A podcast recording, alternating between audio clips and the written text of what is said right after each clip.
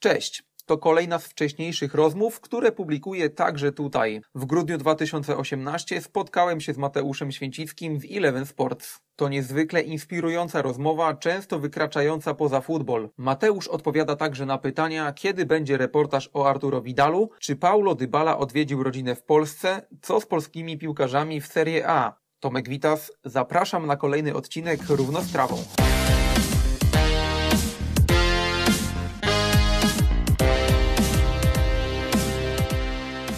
Witam serdecznie, kłaniam się. Witam serdecznie. Rano na Twitterze wielka burza. Jose Mourinho zwolniony z Manchesteru United, co troszkę dobrze, żeby nie pokrzyżowało planów na tę rozmowę, bo jakbyśmy ją wypuścili za tydzień, a Jose Mourinho zostałby zwolniony jutro, to troszkę by się zdezaktualizowała. I jeszcze jedna przykra informacja, choć oczywiście bardziej przykra, czyli śmieć Kazimierza Kuca, który miał bardzo duży wpływ na mnie poprzez swoją książkę, a właściwie biografię o nim i filmy, mm. bo uwielbiam jego twórczość i myślę, że każdy człowiek, który chciałby zaznajomić się ze Śląskiem, to powinien sobie obejrzeć Sól Ziemi Czarnej, nawet Paciorki jednego różańca, kapitalny film, czy też e, Śmierć jak kromka chleba, bo Kuc najlepiej w Polsce opisywał Śląsk. Ten Śląsk mm. czuł, rozumiał i to była dla mnie taka bardzo przykra informacja, choć e, wiadomo było, że on jest e, chory. Natomiast co do Kazimierza Kuca, pamiętam kiedyś Marek Kondrat powiedział piękne zdanie, tak wspominając tę postać e, pana Kazimierza pozytywnie, że e, pan Kazimierz jest hipokrytą,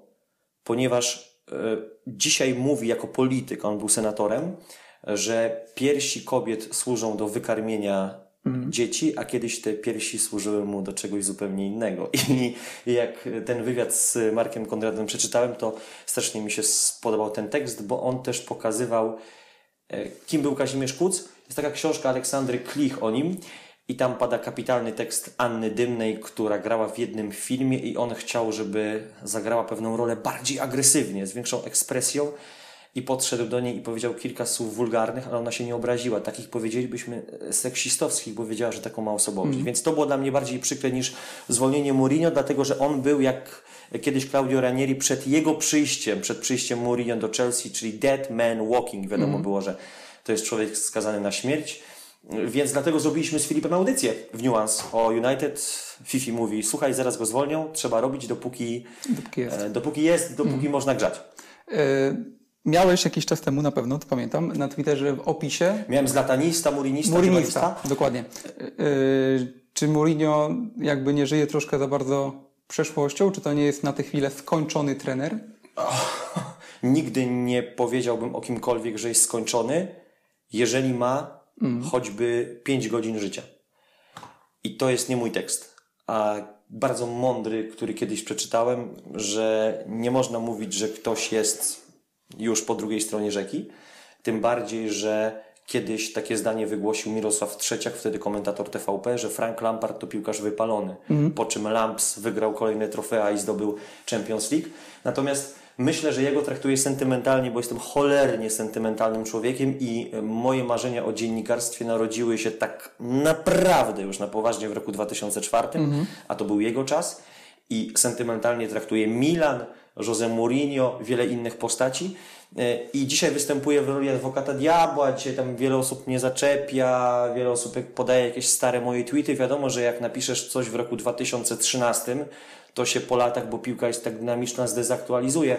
No ale są ludzie, którzy muszą wykonać pewien patriotyczny obowiązek, czyli wstać rano, pójść do szkoły, bo zazwyczaj są to młode postaci, które są utrzymywane przez rodziców i komuś po prostu przypieprzyć. I ja uważam, że jeżeli ktoś y, chce to zrobić Święcickiemu, to ma pełne prawo to zrobić i bardzo dobrze. No dobra, ale wróćmy do tego Mourinho. Czy to nie jest taka troszkę już upadła legenda? Ma owszem tytuły, to oczywiste, ale można popatrzeć na samo United. Wszyscy piłkarze z górnej półki, którzy tam byli, zaliczyli regres. Lukaku, Pogba, Alexis Sanchez, nawet Matic. Ja nie wiem, czy Alexis to jest piłkarz na top, top, top klub, mm. a do takiego aspiruje Manchester United. Barcelona pokazała, że nie, z wielu powodów. Nie tylko ze względu na to, że po prostu piłkarsko nie dojeżdżał, ale także osobowościowo. I to wytłumaczył kiedyś świetnie Adriano, były piłkarz Barcelony, że Alexis Sanchez po prostu nie chciał się pogodzić z tym, że w wielu sytuacjach trzeba oddać piłkę do Leo Messiego. I to nie są moje słowa, to są prywatne słowa Adriano, świetnego piłkarza w przeszłości Barcelony, czy też Sewilli, później Besiktaszu. Myślę, że United są na rozdrożu i powiem Ci tak. o tym, czy Mourinho jest tak zły, jak dziś się o nim mówi, przesądzi przyszły trener Czerwonych Diabłów i to, co będzie działo się z tą drużyną w najbliższych latach, bo trzeba być kompletnym ignorantem, mhm. żeby nie wsłuchać się w słowa Jose przed rozpoczęciem sezonu. Czeka nas cholernie trudna kampania, pełna rozczarowań. I zobaczycie, że to, co mówiłem, czyli drugie miejsce w lidze i finał FA Cup, mm. jedna ósma finał Ligi Mistrzów, to był sukces. On wyszedł teraz z grupy z Walencją, z Juventusem, e, Young Boys. z Young Boys i ja wiem, że ten sezon jest koszmarny, bo jest wiele rozczarowań, ale odnoszę wrażenie, że przecenia się bardzo, przeszacowuje się piłkarzy Manchester United. Dobra. Mm, kolejny trener United ma jakby być oceną dla Jose Mourinho. Kto nim będzie? Bo zrobiłem taką ankietę, ankietę dzisiaj na YouTubie, mm, gdzie dałem opcję Zidane, Pochettino, bo to były dwie takie opcje, o których się głośno mówiło od razu. Y, no i ktoś inny. Tam ludzie akurat wpisywali Arsene Wenger, no ale to... Conte na przykład. Nie wiem, czy Zizu będzie chciał, dlatego że w jednym z ostatnich wywiadów powiedział, że bardzo go wydrenowała praca w Realu Madryt, a to nie jest człowiek, który ceni sobie pracoholizm, mm. bo to jest człowiek, który bardzo e, szanuje swoją rodzinę. Zresztą, jak ktoś jest inteligentny i mądry, to wystarczy, że kliknie w Instagram Zinedina Zidana i zobaczy, że on dzisiaj celebruje normalność swojego tak, życia, że może podróżuje. sobie pojechać do Szanghaju, że może sobie zrobić zdjęcie przy super szybkim pociągu, że może pójść z żoną na siłownię i na zakupy. Zwróćcie na to uwagę. Więc nie wiem, czy on będzie chciał ponownie wchodzić do, do piłki nożnej, do takiego poziomu stresu, zaangażowania, bo wielu trenerów, w tym Klopp, Massimiliano Allegri też e, mówią, ja wcześniej zakończę karierę niż się komukolwiek wydaje. Allegri sobie chyba dał czas do 60, mm. a później nie, bo to kosztuje cię tak dużo, zwłaszcza dzisiaj, e, przy takiej presji, którą ma się zewsząd, że po co to robić, skoro można się cieszyć życiem, mając miliony na koncie. Kiedyś Paweł Zarzeczny powiedział mi piękne zdanie, że ludzie w Polsce współczują mm, Jerzemu Dudkowi, że on siedzi na ławce rezerwowych Realu Madryt, mm. że nie gra, co jest oczywiście bez sensu, dlatego że Jerzy Dudek zarabiał miliony i siedział na ławce jednego z najlepszych klubów na świecie. I jeżeli dzisiaj ludzie współczują Jose Mourinho, że jest gwiazdą upadłą, to mi to śmieszy, bo trzeba patrzeć na to trochę szerzej. Myślę, że dzisiaj przyjęliby go z otwartymi ramionami w Interze. Jak mówił Robert Hood, były piłkarz Leicester City, problem Mourinho polega na tym, że to jest trener w Premier League. Mając takie osobowości jak Pochettino, jak Jurgen Klopp, jak e, Pep Guardiola, trudno jest w tej lidze być najlepszym i Hood uważa, że w każdej innej on by był dzisiaj ze swoją mocną mocną drużyną numerem jeden. Ciekawe mhm. spojrzenie. Dybalista. Czy uważasz, że to jest naprawdę piłkarz ze światowego topu, czy to taka troszkę ślepa miłość? Aspirujący, dlatego że ma 25 lat. Nikt w wieku 25 lat nie powiedziałby, że Luka Modric, mając mm. tyle lat, za 8 sięgnie po złotą piłkę. Absolutnie nikt. Absolutnie nikt. Ja odnoszę wrażenie, że bardzo często w Polsce nie wolno komuś kibicować i nie wolno mieć na przykład fascynacji Besiktashem, czy też Galatasaray, czy na przykład uważać, że Dawid Silva to jest znakomity piłkarz i to jest mój ulubiony zawodnik. Mm. I jak ja często widzę ludzi, którzy starają się ze mnie zrobić jakiegoś adwokata dybali po słabym jednym, drugim, trzecim meczu, to mnie to śmieszy. Dlatego, że ja nie odpowiadam za jego formę, e, nie trenuję z nim, e, nie biorę pieniędzy od niego, mm. etc. A ja sobie mogę jako Mateusz Święcicki lubić kogo chcę i nawet mogę sobie napisać w swoim opisie, że jestem fanem Marcina Wodeckiego i, i to jest moje prawo. To jest dla mnie piękna historia, bo zawsze marzyłem, żeby zrobić w życiu coś dobrego w dziennikarstwie. Mhm. Czyli połączyć w tym akurat przypadku rodzinę polską z rodziną argentyńską, przeżyć niesamowitą przygodę i emocje, zrobić film, który miał ponad milion wyświetleń na YouTubie, bo takie są statystyki. Życzę każdemu, żeby to Który zrobił. chyba nawet y, jakaś włoska Włoska telewizja, tak?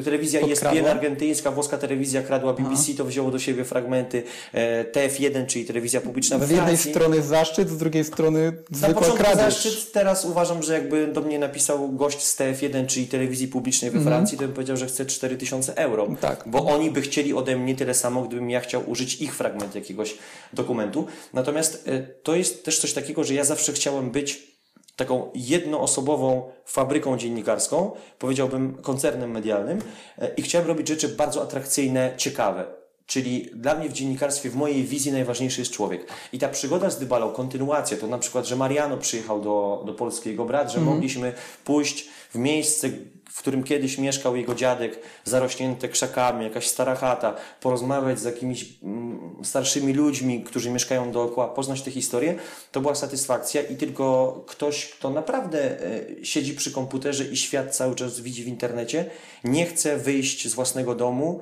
pojechać gdzieś. Przecież ja dzięki temu miałem motywację, żeby się nauczyć hiszpańskiego, żeby pojechać do tej miejscowości Laguna Larga, co dla mnie było niesamowitym przeżyciem, bo wyobraź sobie, że jedziesz do Argentyny, następnie e, do Kordoby, z Kordoby takim starym, zdezelowanym busem ze starego terminala, bo są dwa w Kordobie, taką argentyńską drogą, jedziesz godzinę do tej laguny, wysiadasz i nagle widzisz maleńką miejscowość, w której masz dwa stadiony, w tym jeden z e, autografem Dybali, jego wielkim popiersiem, idziesz sobie i myślisz, cholera, jestem kilkanaście tysięcy kilometrów od domu i to jest to. Poszedłem na jeden stadion, na drugi stadion, wróciłem na terminal, nie miałem dużo czasu, bo musiałem wracać i lecieć do Chile z powrotem, a później do Polski. I pamiętam, że mnie zapytała taka pani na dworcu, bo chciałem kupić bilet powrotny do Kordoby, a skąd ty jesteś? Mówię, że z Polski. Z Polski? Co tu robisz? A przyjechałem sobie odwiedzić rodzinną miejscowość Dybali. Ona była w szoku, że ktoś pokonał tyle, żeby zobaczyć dom. Ona pokazała mi dom, tutaj gdzie mieszka Paulo. I mówi, a to ty jesteś ten gość z Polski, bo mój syn, Oglądał. kumpel Paulo, był e, dwa dni temu na Bombonerze w Argentynie, bo byliśmy Tak, tak, tak. e, banda de Laguna Larga z tą flagą, ja, Andres, wielu innych ziomów Paulo i zobaczyłem ten mecz i mówi, wiesz co, bo mi opowiedział, że jakiś kolega Paulo przyjechał z Polski. Mówię, nie, I oni byli podjarani tym, że ktoś chciał odwiedzić tę ich miejscowość. I nikt mi nie powie, że to nie jest piękne. Nikt mi nie powie, że kolejnym pięknym pomysłem nie jest na przykład wyjazd do Brazylii, bo mam plan na Copa America, a później podróż do rodzinnej miejscowości Filipe Luisa, żeby zobaczyć, jak żyją Polacy, którzy tam mają polską mszę, śpiewają polskie pieśni, mają polskie pikniki, polskie grille i polską drużynę. I nawet komunikują się w języku polskim. Ja sobie mogę dzisiaj napisać, że jestem fanem Filipa Luisa Kasmińskiego i ktoś powie, nie no, chory gość, lewy obrońca Atletico, ale co to kogo obchodzi? No, no z całym szacunkiem. Rozumiem. Y, Co do tego, jakich piłkarzy się lubi, no to nie wiem, mi mogłoby się oberwać za to, że lubię Beckhama, je zawsze lubiłem, Ale to a, a go się uznawało za troszkę Ale przereklamowanego to jest piłkarza. amatorska teza. David Beckham był doskonałym piłkarzem. Ja pamiętam taki mecz przeciwko Portugalii, kiedy przegrali 2 do 3 na Euro. Doskonałe widowisko. Moim zdaniem najlepszy występ indywidualny Beckhama w meczu przegranym. Nikt nie kopał tak stałych fragmentów gry prawą nogą. Mam na myśli dokręcenie piłki, Tak, nie tak, jak tak. Cudowne takie podania, wiesz, takie pasy. Pasy, I niesamowita, wiesz, to jest też tak, że my żyjemy w świecie panoszącego się januszostwa, ale panoszącego się niesamowicie, to jest taki wirus, który zaraża, to jest jak buka, która idzie przez Dolinę Muminków i wszystkich zaraża. Wojciech Szczęsny mówił mi tak, słuchaj, on kiedyś trenował z nami dwa tygodnie e, w Arsenalu. Nieprawdopodobnie serdeczny, kumaty gość, profesjonalista, niesamowity. Carlo Ancelotti mówi, David Beckham jest facetem, którego je, jesz łyżkami, który nigdy nie narzeka, który pracuje jak szalony. Wszyscy ludzie, którzy wypowiadali się na temat Becksa, typu Zlatan, Carletto, szereg innych osób, są nim zachwyceni. Ja uważam, że był to znakomity piłkarz, pewnie niewybitny, ale znakomity i e, później, dlatego, że stał się taką postacią medialną, ludzie zaczęli patrzeć na niego głównie jak na celebrytę, Na celebrytę, tak. słowa, a nie na piłkarza. I ten słynny tekst George'a Besta, to przerysowanie, że nie ma lewej nogi, nie umie grać głową, a poza tym jest ok, to wszystko było pewną hiperbolą i też jestem Tim Beckham, bardzo go bronię i jeżeli miałbym powiedzieć o takim swoim marzeniu, to pewnie Beckham byłby w top 5 piłkarzy, z którymi chciałbym porozmawiać, bo to jest niesamowicie Dokładnie inteligentny facet. Niesamowicie inteligentny facet. No ja go cenię za bardzo dużo rzeczy, ale zostawmy to, bo było takie pytanie w Mhm. trzech postach, które robiłem odnośnie pytań do Ciebie. Mm, Pojawiło się pytanie, na które sam zresztą wcześniej też padłem, ale jest dobre. Chodziło mi o to, że reportaż o Dybali, wizyta w jego domu, jego brat przyjeżdża do Polski, ale sam Paulo jeszcze nie przyjechał, tak? Paulo nie przyjechał dlatego, że mam mnóstwo obowiązków i zawsze jest tak, że kończysz sezon i zaczyna się albo e, zgrupowanie, albo jedziesz na mundial. On mi powiedział, że on sobie to zostawia na taki czas e, po karierze, że w każdej chwili będzie mógł wtedy przyjechać. i to jest jego prawo. Czy zdąży zobaczyć co niektórych już tak? No tej niestety już mm, siostry dziadka Mhm. nie było, ona umarła raptem 3 czy 4 miesiące po, O, okej. po tym e, reportażu, po tym filmie. E, Natomiast mieli taką z Marianą rozkminę, że to miejsce, które zarosło krzakami, opuszczone już, gdzie de facto urodził się ich dziadek, trzeba odrestaurować, czyli trzeba to wykupić. Jeżeli będą tam jakieś kwasy rodzinne, kto jest dziedzicem faktycznym, i po prostu, żeby ta ziemia dziadka była ziemią utrzymywaną, nawet wynająć komuś za złotówkę. I to była dla mnie taka pierwsza satysfakcja, że dziennikarstwo polega raz na jakiś czas sportowe, nie na pajacowaniu, nie na robieniu rozmówek z piłkarzami, a robieniu takich rzeczy fajnych, e, czasem inspirujących, bo wiele osób mi później pisało, takich patriotycznie nastawionych do Polski, że wzruszyło się przy, przy tym filmie. Czy też na przykład napisała do nas e, jedna dziewczyna z Brazylii, która ma jakąś rodzinę w Polsce, że to ją zmotywowało do poszukiwania polskich korzeni, a poza granicami naszego kraju żyje mnóstwo Polaków, w tym Chicago, to jest drugie najgęściej Tak, tak, tak. zaludnione, prawda, miasto przez Polaków na świecie. Mm, I zawsze zostałem wychowany w takim, zawsze miałem taki, taki rys y, dosyć mocno patriotyczny, to znaczy nigdy nie miałem kompleksów z tego powodu, że jestem Polakiem, wręcz przeciwnie, bo uważam, że historia nasza jest piękna, choć momentami tragiczna i staram się, to była taka moja motywacja w 2018 roku, żeby odwiedzić wiele miejsc symbolicznych dla Polski, bo to jest kapitalny kraj pełen unikalnych e, i pewnie miejsc historycznych e, i architektonicznie jest niesamowity i też mamy dzieła sztuki w naszych muzeach, które są niesamowicie cenne. Pewnie mielibyśmy ich więcej, gdyby nie wojna. I to była taka moja motywacja na 2018 rok. Zobaczyć Westerplatte, pojechać do Auschwitz, do kilku innych e, miejsc, żeby poznać Polskę. Bo odnoszę wrażenie, że bardzo często się tą Polską tak po prostu pogardzę. Ostatni punkt z tego twitterowego wstępu. Zlatanista. Za co dokładnie lubisz Zlatana? Ja lubię osobowości, które są jakieś. Nie cierpię poprawności politycznej. Uważam, że żyjemy w świecie, w którym niestety, ale osobowość, e, którą emanujesz, jest bardzo często Twoim minusem. To znaczy, najłatwiej być takim: Ja jestem Mateusz Święcicki i wszystkich bardzo przepraszam. Ja nie chciałem nic złego powiedzieć. To nie jest skromność. Dla mnie skromność to jest coś takiego, jeżeli ja przyjdę i powiem. Kurde, no jednak czegoś nie robię dobrze, że jednak jakieś błędy popełniam. To jest dla mnie kwestia skromności, a nie udawanie. Ja żyję w świecie, w którym widzę wiele hipokryzji, wiele osób, które jak zobaczą, że jest kamera Tomka Witasa, to będą teraz udawać y, osoby takie, o, takie skromne i tak dalej. Nie cierpię tego. Mm, I uważam, że to jest hipokryzja grubymi nićmi szyta. A Zatana lubię dlatego, że po pierwsze poznałem jego historię w sposób taki bardzo dogłębny. Ludzie myślą, że e, Ibra wierzy w to, co mówi, czyli że jest Bogiem futbolu, że jest najlepszy. To jest poza. Gra. Ale każdy rodzi się w pewnych warunkach. I pamiętam, co Ibra mówił o Rosengard. Jak nie szedłeś na, osie- na osiedle z pewnością siebie, że ja tu wszystkich was pokonam, to w tym getcie cię po prostu niszczono. Kto nie wychował się na podwórku w latach 80., 90., wie jak to jest, że bardzo szybko wyczuwano słabszego i tego słabszego po prostu po głowie bito, w cudzysłowie. Tak było. Jeżeli ktoś tego nie rozumie, to się nie wychował w małej miejscowości, w trudnym otoczeniu, w trudnym środowisku.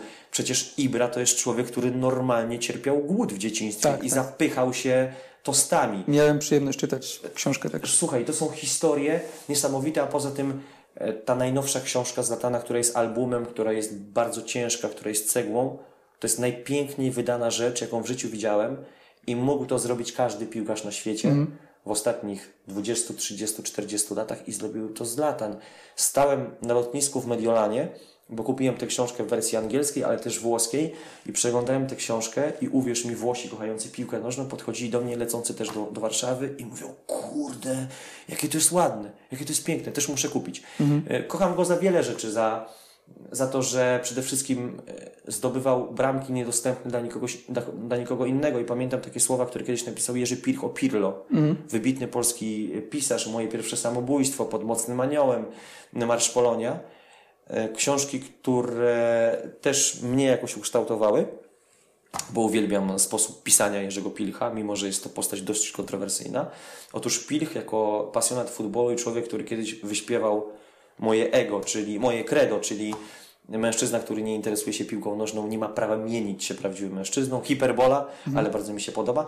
W wywiadzie w Rzeczpospolitej kiedyś powiedział, że to, co zrobił Andrea Pirlo w meczu z reprezentacją Anglii na Euro, to był mecz rozgrywany na Ukrainie, to jest e, dzieło sztuki, dlatego że Ronaldo i Messi by tak nie potrafili. Czyli w tym momencie Ronaldo kopnąłby pewnie silno, mocno po ziemi, a Messi kopnął w okienko.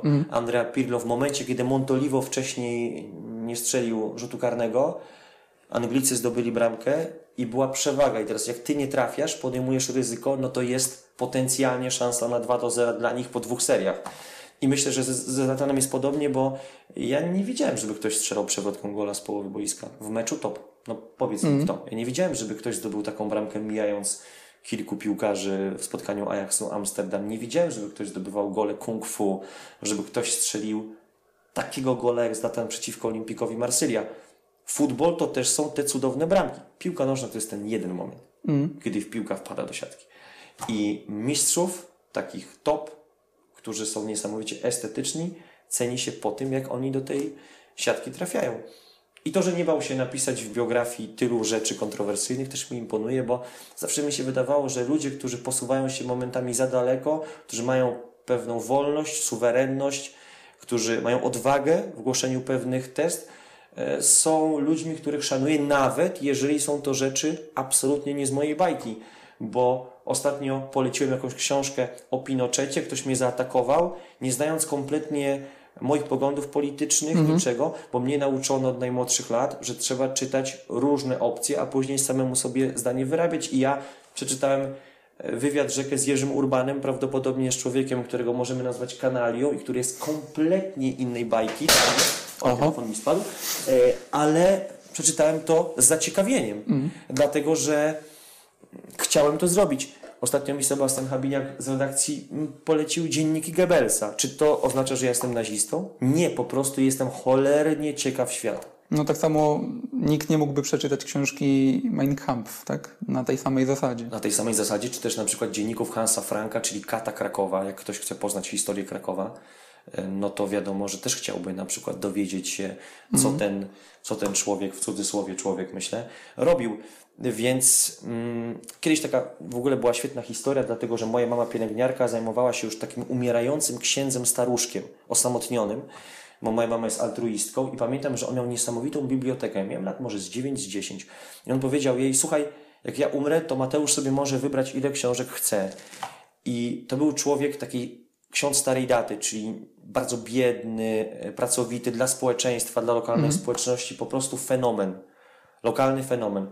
Pewnie postać, której jest coraz mniej. I ja poszedłem do tej biblioteki, wybrałem najpiękniejsze, najpiękniejsze książki, cudownie wydane, niesamowite. I tam była stary Biblia szatana i tam była Kama Sutra. Dlatego, że on uważał, że człowiek inteligentny, świadomy musi czytać wszystko. I tak mi zawsze mówił. I wszyscy moi mistrzowie, typu Paweł Zarzeczny, może nie mistrzowie w tym przypadku, o którym powiem, ale bardziej osoby inspirujące jak Janusz Atlas, m, na przykład Bogdan Tomaszewski e, i cały szereg innych postaci, jak miałem przyjemność z nimi rozmawiać, jedyna rada, czytaj, bo ci nic nie zastąpi czytania, ani słuchanie, ani tym bardziej oglądanie. Milik Zieliński. Mnóstwo hejtu, sinusoida, raz dobrze, raz, zie, raz źle, kredyt zaufania od Ancelottiego, później troszkę to wszystko spada. Sytuacja z Liverpoolem, ostatni rzut wolny y, Milika. Jak, to, jak to z nimi jest? Wiesz co, ja myślę przede wszystkim, że my chcemy mieć w Polsce każdego piłkarza na poziomie Cristiano i Messiego. Chcemy, żeby Mariusz Stępiński, grający bardzo dobrze w Kiewo Verona, nagle wywalczył sobie transfer do Juventusu. Ja uważam, że czasami lepiej być piłkarzem Kiewo Verona, aniżeli słabszego polskiego klubu. I powiedziałem to kiedyś w Eleven, dostaję prywatną wiadomość od Kamila Glika i on mi pisze na Twitterze, wiesz co, ja myślę tak samo że za bardzo chcemy niektórych ludzi hypować, wciskać do jakichś drużyn. Ja myślę, że Milik jest bohaterem po dwóch koszmarnych kontuzjach, wyśmiewanym przez część ludzi, bo zmarnował sytuację na przykład w spotkaniu z Irlandią Północną, później z Niemcami. Mecz 0-0 z Niemcami to jest najlepszy mecz reprezentacji Polski, jaki ja widziałem w ostatnich 5-10 latach. Od czasu spotkania z Portugalią za Leo Benhakera. I teraz ludzie powiedzą, jak to? Przecież lepszy był ten mecz, co wygraliśmy 2 do 0 na Narodowym. To był koszmarny. Koszmarny. Lepszy. I wynik był lepszy, my powinniśmy tam przegrać z 0 do 5. Tak naprawdę to było spotkanie, które Polakom oddało moim zdaniem. Wróciła karma za wszystkie lata niepowodzeń, kakao, ostatnia minuta i tak dalej, przegrane mecze. Natomiast optymalnym spotkaniem, spotkaniem perfekcyjnie rozegranym, z wyjątkiem zmarnowanych sytuacji, było spotkanie na mm, Stade de France. Byłem, widziałem, byłem dumny, że to spotkanie oglądałem. Natomiast z Milikiem jest tak, że zdobywa pewność siebie, strzela gole, nie wykorzystał sytuacji z Liverpoolem. Ancelotti mówi, szklanka jest do połowy pełna, bo świetnie przyjął, bo to była duża sztuka. A później to coś jak z Donnarumą, miał identyczną sytuację w poprzednim sezonie. Przyjmujesz instynktownie w polu karnym, natychmiastowa decyzja, strzał, nie ma bramki. Oczywiście twoja wina. Donnarumma znakomicie wybronił. Tutaj y, y, Alisson.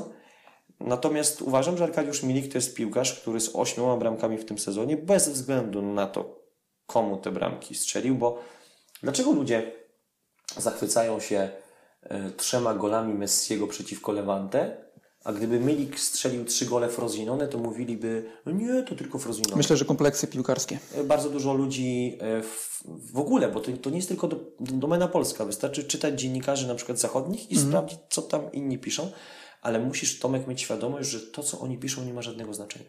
Naprawdę, to nie ma żadnego znaczenia, dlatego że piłkarze i e, dziennikarze też żyją w trochę takim świecie zamkniętym. To znaczy, to nie wpływa na Twoje zarobki, mm, na Twoją pracę, na Twoje kontakty z Twoją dziewczyną, e, z Twoim kumplem, z Twoją rodziną.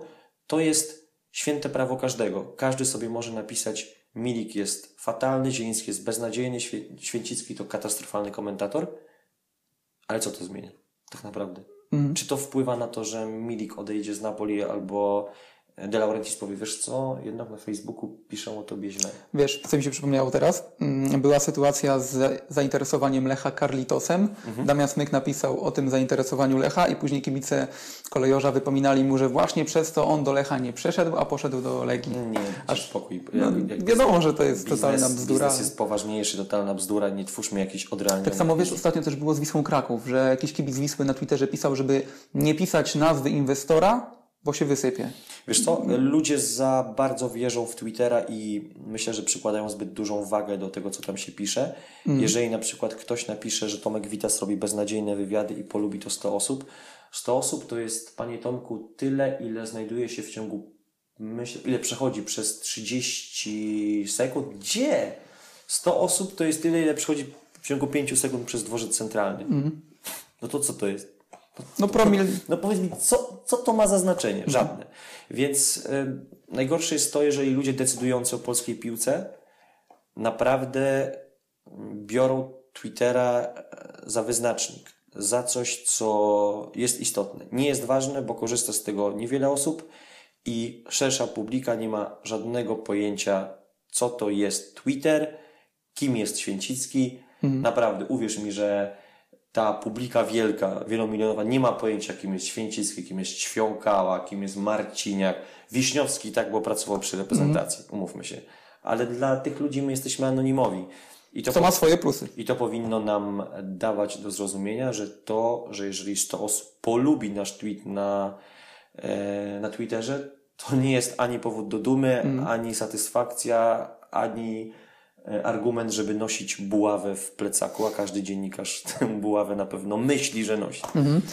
Y, Mówiliśmy o Zielu, bo chciałem o to też zahaczyć i Miliku, bo wiadomo, że są hejtowani, ale oni grają, oni będą grać, myślę, lepiej lub gorzej, ale będą.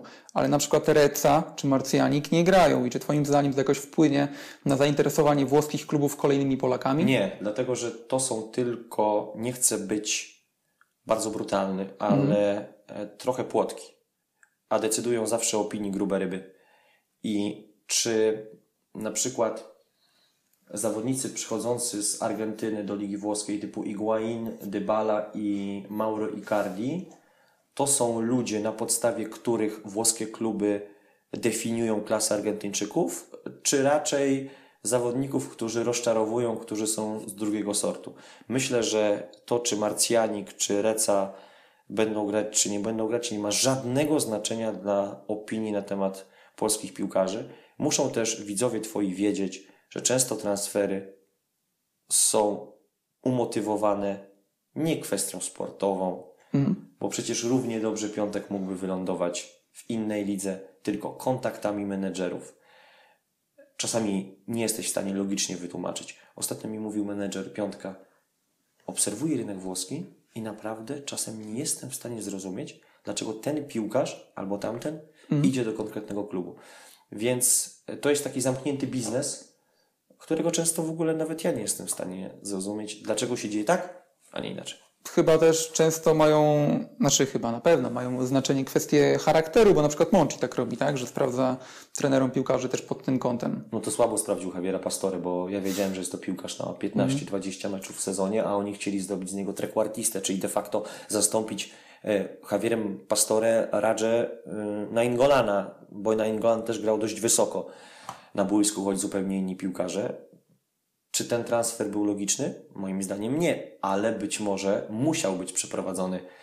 Im bardziej poznaję dzięki rozmowom z menedżerami ten rynek, im bardziej poznaję dzięki na przykład książkom, które, No właśnie, mam tutaj chyba brudną piłkę, tak, i tam jest dużo właśnie o tym, no. więc y, kiedyś takie w ogóle zdanie, jeden dziennikarz, zapytałem go, czy czytał Brudną Piłkę, czy Footballix, a on mówi do mnie, że on w plotki nie wierzy.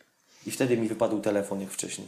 Opadły mi ręce. Przecież to nie są plotki, to są maile potwierdzone, że najbardziej fascynujące w tym wszystkim jest to, co zrobił Der Spiegel, żeby ochronić swoich informatorów. Niesamowita gazeta, niesamowita klasa. Dziennikarstwo topowe XXI wieku. Mm, I do czego zmierzam? Zmierzam do tego, że to jest taki czynnik transfery w futbolu pewnie najbardziej rozpalający emocje, generujący mnóstwo zainteresowania, ale bardzo często pozbawiony logiki.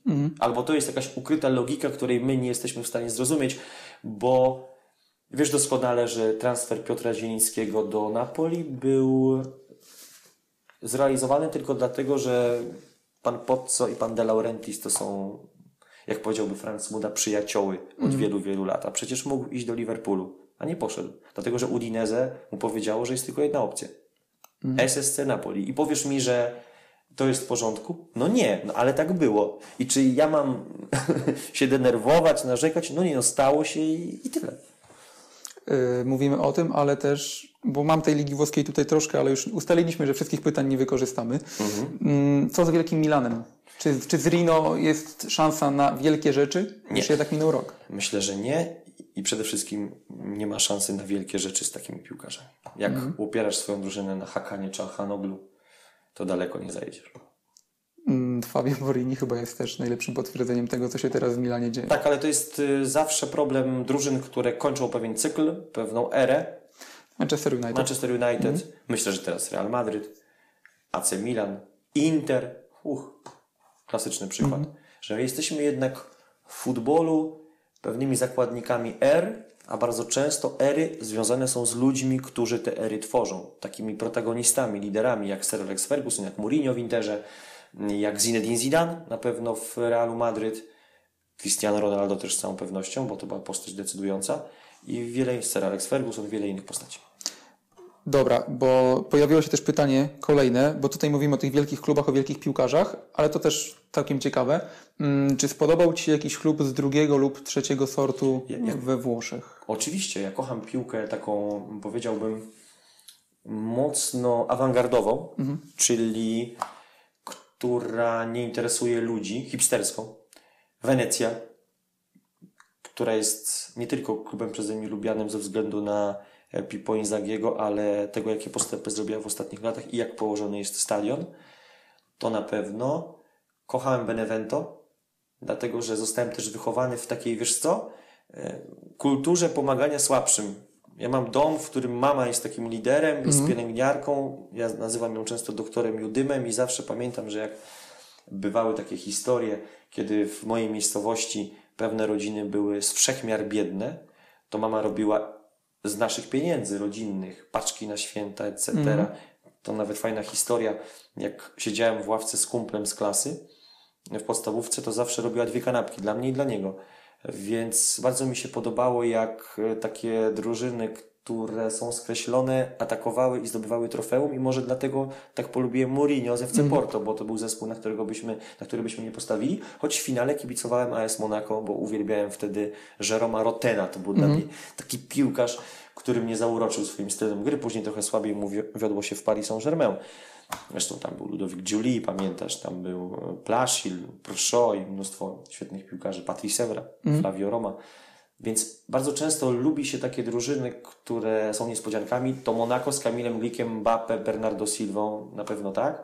Więc Benevento kochaliśmy w redakcji. Wcześniej Crotone, które Mhm. zrobiło ten niesamowity comeback. Na przykład bardzo mi się podobała historia Leicester City, bo utrzymała nas w myśleniu, że zdarzają się romantyczne historie, że nawet w najbogatszej lidze, na świecie, gdzie pieniądze są decydujące, możesz mieć tak romantyczne story. I ten Claudio Ranieri, nie chcę mówić zero tituli, ale człowiek, który został skompromitowany przez porażki reprezentacji Grecji z Wyspami Owczymi, później wygrywa najtrudniejszą ligę na świecie i nigdy nie zapomnę jego spotkania już we Francji, on był trenerem Nantes przez sezon i Marcelo Bielsa chwilę był szkoleniowcem w Lille, kiedy Bielsa powiedział Pan jest przykładem. Pan jest człowiekiem, który pokazał nam, co jest najważniejsze w piłce nożnej, czyli pewien romantyzm. I to Leicester pozostanie punktem odniesienia takiego romantycznego futbolu, który uwielbiamy. I tak jest. I czasami mam coś takiego, że jak widzę, że ktoś jest pomiatany, pogardzany w świecie piłki nożnej albo się go atakuje, to staję w jego obronie bardzo często na kontrze, narażając się na to, że będziesz osobą z wszechmiar atakowaną. No dobra, ale a Kiewo? Bo no tutaj Piotrek Dumanowski mówił, że, że Piotr Kiewo Dumanowski to... kiedyś komentował mecz Kiewo z Romą i mówi, nie Kiewo to Serie B, Serie B, Serie B. Tak sobie siedzę i mówię tak, kurde, jak ja bym to komentował i powiedział, to na pewno by za chwilę strzelili dwa gole i byłoby Mhm. 2 do 2. I co? Kiewo strzeliło dwa gole, 2 do 2. To Kiewo jest e, taką odrą Wodzisław w Serie A. Niespecjalnie ich ceniłem zawsze. Z wyjątkiem jednego sezonu, kiedy pamiętasz, byli w rewelacyjnej formie, awansowali do Serie A, a później Mezo miał taką piosenkę Football. My słuchaliśmy tego namiętnie. Dzisiaj się tego wstydzę. Z kumplami Wieżowem i tam było, że jesteśmy jak Kiewo Verona, coś tam, coś tam pokona. I mm, wracając do Kiewo, to dzisiaj jest to drużyna, którą lubić można, bo ma Jack Chielliniego, Sorrentino, bo jest pełna ciekawych osobowości, Waltera Birsy i tak dalej, ale nie mam do nich jakiejś wielkiej sympatii po prostu. Po prostu. Po prostu nie. Nie, bo nie. Tak jak z dziewczynami. Nie, bo nie. Nie, bo nie. Albo tak, bo tak. Robimy troszkę mały ostrzał. Yy, Zostawiamy te tematy piłkarskie na chwilkę, bo mamy taki trend w obecnym internecie, jeśli chodzi o dziennikarzy, że można sobie włączyć mecz pilotem w telewizji i tak, akurat może nie na Twoim przykładzie, ale na przykładzie jakiegoś innego dziennikarza. Komentuję ten mecz, po czym biorę sobie tablet, odpalam Twittera, coś napisał na Twitterze, o, wchodzę na Face'a, na fanpage'u na Face'ie, wejdę na YouTube'a, o, dodał nowy film. Dziennikarstwo trochę jak futbol totalny. A skąd wiesz, że ta osoba nie ma swojego gościa? Jasne, jasne, okej. Chodzi mi o samą postać, że jakby jest dziennikarzem totalnym, bo jest na każdym froncie i ktoś jak sobie właśnie ogląda ten mecz i śledzi media społecznościowe, to jest atakowany tą osobą z każdej strony. Czy Ci się to podoba? O to chciałem zapytać. Wiesz co, ja zawsze marzyłem, żeby być, to się powtórzę, jednoosobowym koncernem medialnym, taką subkulturą, czyli od samego początku pisać, mówić, komentować, e, wyjeżdżać, bo chciałem poznać różne aspekty tego dziennikarstwa, więc nie jestem e, osobą mm, upoważnioną, mającą glade, żeby mówić, że to jest złe, bo jesteśmy z Filipem na Facebooku, na Instagramie Tak, dlatego pytam, bo na Twitterze. Mm, Natomiast e, jeżeli ktoś nie chce, ma prawo zagłosować swoją myszką. Kliknięciem unfollow i to jest jego święte prawo. A jak ktoś chce kliknąć e, follow, to ok. Jak ktoś chce kliknąć follow i napisać wy głupie chuje, yy, to jego, to jego prawo. specjalnie troszkę to powiedziałem w takim pejoratywnym wydźwięku, Mhm. bo właśnie chciałem zobaczyć reakcję. Ja nic absolutnie do tego nie mam, ale to też dla dziennikarzy jest troszkę no, trudne. Coś ci powiem. Chyba, że masz gościa. No Ja się, panie. Tomku, w ogóle nie zastanawiam nad tym, czy coś jest czasami dobre, czy niedobre, po prostu to robię. Okej. Bo jak rozkminiasz coś za dużo, to też e, pozytywne myślę nie jest. Gdybym mógł, to bym Twittera nie miał, ale mam go, bo muszę, tak uważam, zwłaszcza, że trochę się zmieniamy z Filipem, to się wszystko staje bardziej profesjonalne, z tym naszym kanałem Tu Agreement będziemy mieć fundusze, w zamian musimy robić reklamy, więc to jest bardzo potrzebne. Natomiast czy takie bombardowanie sobą nie powoduje pewnego przesytu u ludzi? To jest bardzo duże zagrożenie, z całą pewnością. Czasami trzeba zwolnić i powiedzieć nie, odciąć się, ale jak chcesz dotrzeć z własnym przekazem do ludzi, no to musisz być aktywny, bo to dużo kosztuje pracy też. Zwłaszcza jeśli nie jesteś Mateuszem Święcickim, który ale, jest ja, łatwiej. przecież ja na początku też byłem e, Jasne. pryszczatym cebulakiem z Jeżowego, chłopakiem z kompleksami, który przyjechał w polarze, spodniach, dzwonach i halówkach Adidasa do Warszawy i, i musiał też coś sobie wywalczyć, bo nikt mi nic nie dał, bo musiałem zdobyć stypendia, żeby się utrzymać w stolicy. Więc każdy zaczyna od początku. Przecież ja pracuję w tej cholernej branży lat 12. Już tak powiedzmy, Tak, tak. zarabiając pieniądze. Y, Więc 12 lat to trochę czasu upłynęło i można było trochę ludzi do siebie przekonać albo zrazić. No i to wszystko zmierza w stronę takiej maksymalnej zarobkowości, czy to dziennikarstwo, czy, czy sama piłka nożna, bo tych meczów jest coraz więcej. Właśnie ten przesyt. Nie boisz się troszkę Czy że dziennikarze zarabiają Nie, za nie, dużo, nie chodzi, czy- nie, absolutnie nie odwołuję się teraz do, do zarobków. Chodzi mi bardziej o taką maksymalizację wszystkich możliwości, jakie są. Mhm. Wiesz, co mówił Ryszard Kapuściński? Piękne zdanie. W książce mm, Nie ogarniam świata, wywiad rzeka z nim. Ludzie żyli przez wiele, wiele, wiele lat w permanentnym niedoborze informacji, Mhm. niedoinformowaniu. W Tybecie dowiedzieli się chyba 12 lat po II wojnie światowej, że coś takiego było w ogóle tak, w historii świata. Dzisiaj e, ludzie żyją w erze nadinformacji i w ogóle ja takie mam wrażenie, że żyjemy w cywilizacji ekranu. Wchodzę do metra, ekran, wchodzę do centrum handlowego, ekran, telefon, ekran, e, czytam książkę e, na Kindle, ekran, laptop, ekran, No nawet zegarek, tak? zegarek, wszędzie te ekrany, czasami jest przesyt. I o co chodzi? Dostajesz tak dużo rzeczy, jesteś tak bombardowany informacjami, że dzisiaj najważniejszą powinnością każdego człowieka jest dokonanie wyboru. To ty dzisiaj decydujesz. Kiedyś to media decydowały, o czym cię poinformować. To ty szukałeś informacji. Dziś to informacje szukają ciebie. I myślę, że y, czy nastąpi przesyt? Uważam, że obecnie jest tego tak dużo, że chyba to jest ten moment. Natomiast ludzie sobie zawsze mogą zagłosować. Czy pilotem, czy też y, myszą. Więc każdy jest wolny, suwerenny. I moja definicja wolności, ja jestem skrajnym liberałem, polega na tym, że pan Tomek może zrobić wszystko. Jak pan Tomek nie chce, to pan Tomek nie ogląda meczu Chelsea-Bormów, który komentuje Święcicki z Kapicą jutro. Okej. No to będzie komentował 6 dni temu, tak? No, coś, takiego, więc, Coś ale, ale zostawiamy. Y, Jak praca dziennikarza sportowego wpływa na rozwój intelektualny? To też nie jest moje pytanie, ale jest super. Wiesz co? Bardzo dobre pytanie. Niesamowicie. To znaczy, uznaje się dziennikarzy za głupków. Mm, I często tak jest.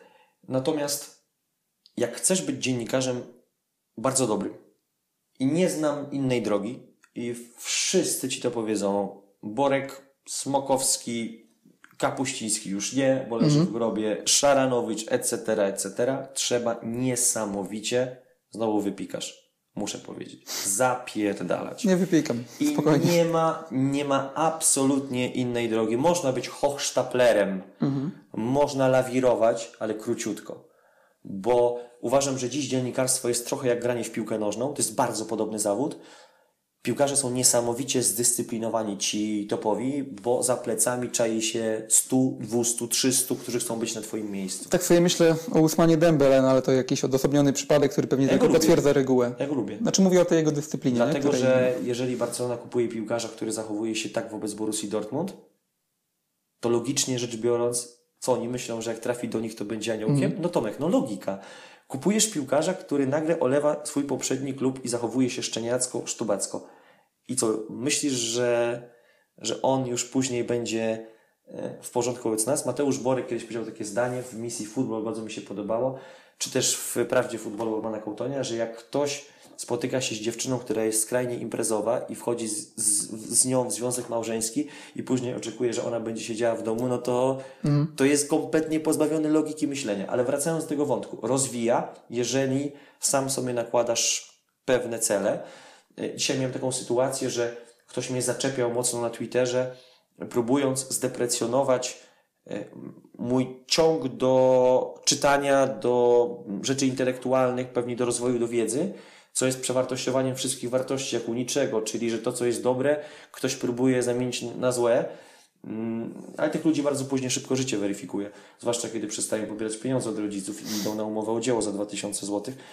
Więc mm, zmierzam do tego, że mm, jest mnóstwo homo sovieticus, czyli ludzi, którzy starają się obniżyć Twoje ambicje, i to jest taki tekst do młodych ludzi, bo ja miałem obok siebie mnóstwo wspaniałych postaci, takich, które mnie motywowały w swoim środowisku. Mm. I dzisiaj też tak staram się układać to środowisko, żeby takie były w szkole, bo pokończyli kierunki za granicą, bo świetnie sobie radzą w życiu, ale miałem też dookoła siebie mnóstwo, nie boję się użyć tego słowa, debili. I oni starali się zdeprecjonować to, co robię, wyśmiać. Wielu młodych ludzi ma z tym problem, bo czytałem kiedyś taką książkę Tomasza Lisa. Niespecjalnie go lubię jako dziennikarza, ale to była książka chyba yy, nieco z tą Polską. My naród. Mm. Tak. My naród. I tam było napisane, że w Polsce to się zmienia oczywiście, bo ja bardzo zauważam w ostatnich latach ewolucję.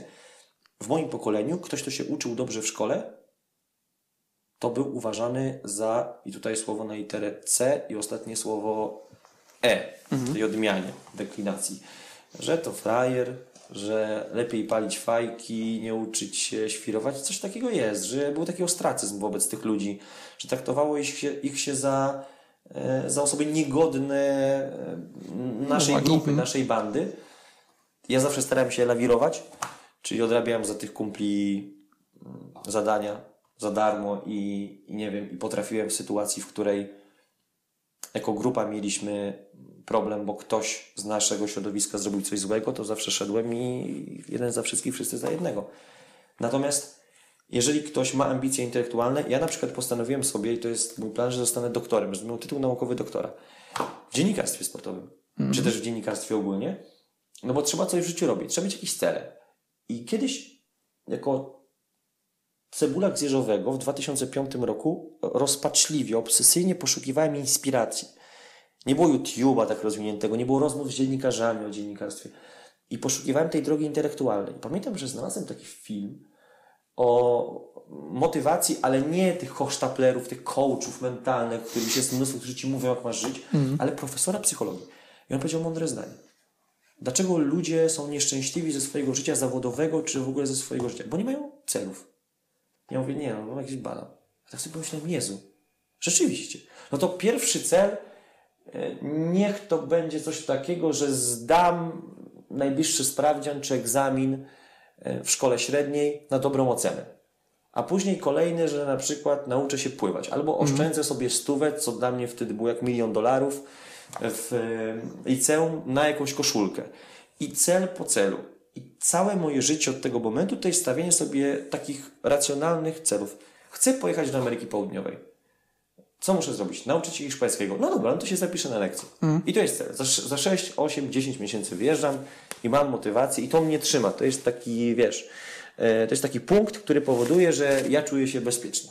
I podobnie jest z tymi intelektualnymi rzeczami, że jak chcesz pojmować piłkę jako kulturę, jako element życia ludzi, bardzo ważny, na przykład w Ameryce Południowej czy też w Anglii, jako wstęp do rzeczy fajnych, interesujących i bardzo mądrych. Absolutnie uważam, że dziennikarstwo sportowe jest ostatnim pozbawionym fałszu, kłamstwa, dlatego że jak Polska przegra z Senegalem 1 do 2 na mundialu, mm. to tego wyniku nawet nie mogą zmienić w telewizji i powiedzieć, że wygraliśmy. No nie, bo dzisiaj jak czytasz pewne wydarzenia polityczne i czytasz tygodniki z lewej strony i z prawej strony, to nosisz wrażenie, że żyjesz w Matrixie. Mhm. Bo oni piszą o czymś zupełnie innym. A w piłce, jak przegramy z Senegalem, to i Newsweek napisze, że przegraliśmy klęska i napisze do rzeczy, że klęska, prawda? Więc to, co kiedyś mi mówił za rzeczy, mówił, słuchaj, ja poszedłem na dziennikarstwo, bo w stanie wojennym nie dało się zupełnie niczego innego robić. Mam na myśli sport, ten segment. Mm. Gdybym poszedł w politykę, to musiałbym zawodowo kłamać. Więc wybrałem futbol, bo nawet Jaruzelski nie mógł zmienić wyniku reprezentacji Polski. Znakomite zdanie. To jakie cele teraz, najbliższe? Oj, dużo. Dużo takich... Możesz się napić, spokojnie. Wiesz co, takich... No, no, pierwszy cel napić się. Wiesz co, nauczę się pływać. Okay. Banalne. Kupię kalendarz i będę wpisywał sobie zadania, rzeczy, tak? żeby się uporządkować, bo umawiam się na lekcję włoskiego z Francesco i mówię, no to co, jutro 12.30? Przychodzę do domu i mówię, cholera, 11 czy 12? I później go męczę. Co na pewno już dla niego jest irytujące, że zawsze się dopytuje o której godzinie, a wystarczy sobie wpisać. No, ułatwienie życia. Wyrobię dowód osobisty, bo zgubiłem. E, A z takich planów to na pewno wyjazd na Copa America e, do Brazylii i wreszcie mamy będziemy mieć z Filipem budżet, czyli skończenie wiecznie niedokończonych projektów. I tyle jakichś takich, wiesz, typu, że będę sobie wizualizował Ferrari czy coś w tym stylu. To nie, proste rzeczy, bo ja jestem prosty chłopak ze wsi, który czasami z pianą na pysku realizuje pewne cele, bo my wszyscy jesteśmy trochę tacy, ja, Łukasz Wiśniowski, wiele innych osób, e, śmieję się z tego, mm, ze słomą w butach, pracowici, którzy się e, realizują teraz i, i chcą za wszelką cenę robić coś nowego, czyli nie stać w miejscu, wiesz, nie mówić, dobra, ja zrobiłem tego e, tutaj to, tu, to, tu, to i że okej, w porządku. No nie, Rozwijać się. rozwijać. Jasne. Y, studio w Twoim przypadku, czy komentowanie? Co byś ocenił wyżej? Nie ma. Jakbyś mnie zapytał, czy wolę pisać, czy wolę komentować, czy wolę siedzieć w studiu, powiem Ci, że wszystko Czy ja nie pytam, co wolisz, tylko co oceniasz wyżej pod względem tego, jak wypadasz? Bo jesteś na pewno samokrytyczny. Wiesz co? Nie wiem. Jakbyś mnie zapytał, czy lepiej kopię piłkę lewą czy prawą nogą, to bym Ci powiedział, ale wiem, że jak jadę na Dortmund czy do Madrytu i cały stadion krzyczy i są problemy z połączeniem i uwierz mi, że jest to bardzo ciężka praca, bo jeden Ci wrzeszczy do ucha, drugi Ci wrzeszczy do ucha, operator po hiszpańsku coś Ci mówi, kumple coś gadają. Weź podziel uwagę. Pierwszy taki komunikat, który wydaje z siebie człowiek, który słyszy jakąś uwagę, na przykład ktoś ci powie, ty to nie? I ty, ty chcesz to powiedzieć, bo słyszysz to i chciałbyś Jasne. to powtórzyć. I trzeba się zachować, to wydaje mi się, że potrafię być w tym siłą spokoju. Natomiast nie wiem, zresztą nie krępuje w ogóle mówienie o mnie. Ja tutaj przyszedłem tylko po to, dlatego że pewnie siedzi jakiś chłopak, może w małej miejscowości, nawet jeden, bo ja często dostaję prywatne wiadomości, otworzyłem skrzynkę na Twitterze. Ludzie, m, boję się słowa autorytet, ale potrzebują często inspiracji. Ja uważam, że młodych ludzi nie należy uczyć i dawać im rad, jak wujek dobra rada, a trzeba im tylko dawać takie inspiracje. Samemu pokazywać, że powinni iść w pewną stronę. Napisałem kiedyś, że zacząłem lekcję hiszpańskiego i nagle Łukasz Wiśniowski na hiszpański, pięciu chłopaków, y, takich praktykantów w Eleven. Noszę się z zamiarem- hiszpańskim. I, I mnie się wydaje, że tak jest najlepiej. Rui Faria, asystent Mourinho, powiedział, że jak Ronaldo przypakował za bardzo w Realu, to poszedł i powiedział mu, Chris, czy nie uważasz, że trochę straciłeś na zwrotności i Messi tutaj ci odjechał, bo za bardzo nabrałeś masy mięśniowej? Nigdy nie było. Musisz z tym skończyć, bo jesteś mniej zwrotny. To jest świetne podejście. To jest znakomite podejście do ludzi, bo jak ktoś jest inteligentny, to sobie pomyśli, kurde, no może on, może rzeczywiście Może coś w tym jest. Mhm. Noszę się od właśnie już długiego czasu, bo w liceum się uczyłem hiszpańskiego i mówimy o tych celach. To też, żeby nie wyszło, że mówimy tutaj o mnie, ale przeczytałem ten twój post ostatnio na fejsie, który był moim zdaniem bardzo dobrą motywacją. Jeśli tak miało być, to się udało w 100%, bo chcę iść na ten hiszpański i ten post pomógł mi po prostu do tego celu się... Wiesz, jak chcesz, to Przybliżyć. po prostu, jak masz kasę, bo to jest też bardzo drogie. Oczywiście. się, 60 zł za lekcję, jakbyś chciał się uczyć. Ja się uczę na przykład czasami 5 razy w tygodniu, Mhm. no to trzeba wydać dużo pieniędzy. Idę, rozmawiam, ale musisz znać swoje słabości. Ja wiedziałem, że nie będę wykonywał prac domowych, mam tyle obowiązków, że Mhm. nie mogę. Dom jest, i to mi się podoba, że w polskich szkołach to się wprowadza, że dzieci się uczą w szkole, a w domu nie mają żadnych prac domowych, bo szkoła jest od uczenia, a nie Mhm. dom, prawda? Dom jest od relaksu. Jak to dziecko wychowujesz? To dziecko wychowujesz tak, że robi coś w szkole i to samo jeszcze robi w domu. Kompletnie bez sensu. Dom ma być od odpoczynku. I oczywiście nie może być zawsze, ale postanowiłem, że będę uczył się jak dziecko. I to też ci daje to dziennikarstwo, powiedzmy, na wyższym poziomie, kiedy zarabiasz dobre pieniądze. Że dziś możesz sobie jechać na koncert Einaudiego, zapisać się na hiszpański. Mm, Taka książka, która zmieniła moje życie, absolutnie, to była książka Bogaty Ojciec, Biedny Ojciec, bo zrozumiałem, czym jest aktywo i czym jest pasywo. Nie ma w ogóle w Polsce edukacji ekonomicznej. I może ta książka nawet nie wpłynęła na mnie pod kątem ekonomii, zarządzania pieniędzmi, ale pokazała mi, że jak ja się dzisiaj nauczę hiszpańskiego, będę mówił świetnie po włosku, po angielsku, po portugalsku, po francusku i po niemiecku, to ja jestem krak.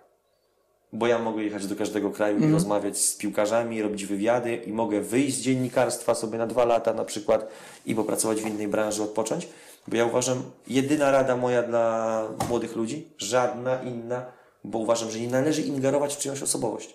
każdy ma inny temperament, inną osobowość. Oni się wszyscy sami nauczą dziennikarstwa. Na początku będą pewnie mieć jakieś naleciałości, kogoś kopiować, to jest naturalne, bo są pod wpływem wielu dziennikarzy, ale później sami dojrzeją do tego, żeby robić coś po swojemu. To jest uczcie się języków obcych, to nie uczyni was e, bezrobotnymi, tak bym powiedział. Mówisz o tym, że na stadionie Atletico Borussi i tak dalej ktoś do ucha, tutaj kibice i tak dalej. Z kolei Tomek Urban opowiadał mi, że przed Der Klassiker w tym wiosennym był spory kłopot. Nie wiem, czy wtedy tam też byłeś, yy, ale że nie mogli wejść na stadion po tym, jak wyszli po Artura Wichniarka. Czy ty miałeś jakieś kuriozalne, niedorzeczne sytuacje na stadionach? Pewnie. Raz krzyczeli do mnie Bartnicki, ty chuju. Ale to jeszcze tak Sport. Święcicki. I to była taka sytuacja pierwsza, którą pamiętam. Mm, Z takich innych absurdalnych.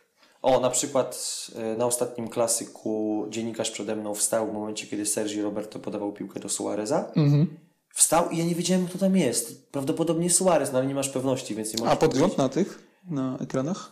Znaczy, no dobra, ja wiem, po co jest się na stadionie, Ale ale... takie, takie są te ekrany w ogóle na Tak? stadionach. Znaczy, no na. Olimpiku Lyon było świetnie akurat. Ale, ale powiem Ci, że na mm, hiszpańskich Jezu, tragedia. O, na przykład w Neapolu wyrzucili nas ze stadionu, bo chcieliśmy pójść jako broadcasterzy do Migzony, powiedzieli nam, że nie, wyrzucili nas z Filipem ze stadionu. E, Tam też nie mieliśmy połączenia do dwóch minut przed rozpoczęciem transmisji, więc wyobraź sobie, że jesteś w stresie, w stresie, bo to też jest takie dla dziennikarza uporczywe, że ty się przygotowujesz, e, jesteś w 100% gotowy do swojej roboty, czujesz się dobrze wyspany, ale nie wszystko zależy od ciebie. I uwierz mi, że byliśmy z Tomkiem Ćwiąkałą na meczu Walencja Atletico na inauguracji i przez pierwsze 20 minut nie było nas e, słychać i to cię rozwala totalnie. A to nie jest wina Eleven. Tak. Bardzo często Domyślam jest się, wina że przekaz- inżyniera na przykład na stadionie, kogoś Mhm. kto pomyli jakieś heble i otrzymujesz ciosy później ty, no bo wiadomo, ludzie piszą do ciebie. Tak samo jak często ktoś cię pyta, jakie prawa kupujecie. No, no nie wiesz, naprawdę, bo nie jesteś od tego i uważam, Ale że- ludzie jakby nie, nie, nie mają wyobraźni w ten sposób, Nie. Że, że ktoś jest y, inny od, od tych rzeczy. Tak, że po prostu ty nie masz tak naprawdę tego w kompetencjach. Nie masz w umowie swojej, że masz kupować prawa i to jest dobre, bo Paul Pogba nie zajmuje się kupowaniem piłkarzy do Manchester United. No ale taki jest świat, trzeba się z tym pogodzić. Ale właśnie, bo mówisz o tym rozwalaniu kompletnym. Okej, jakby jesteśmy na innych poziomach, ale znam to, znam to. Siedząc Mhm. dosłownie tutaj na tym krześle, y, przy tym stoliku i komentując coś w Radio Gol, ty też znasz takie realia ze swoich czasów młodości.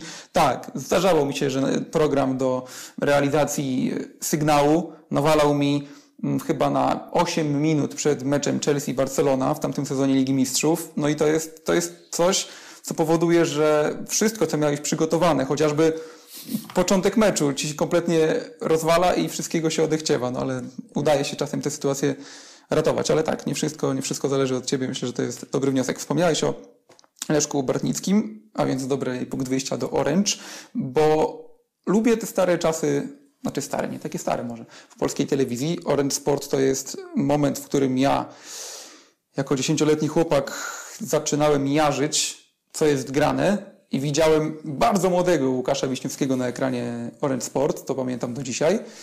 Y, Bardzo się technicznie tamta telewizja różniła od Eleven. Tak, bardzo, bo nie nadawała w HD, to był pierwszy zarzut. A poza tym ta telewizja robiła dużo własnej produkcji i Eleven to przede wszystkim transmisje.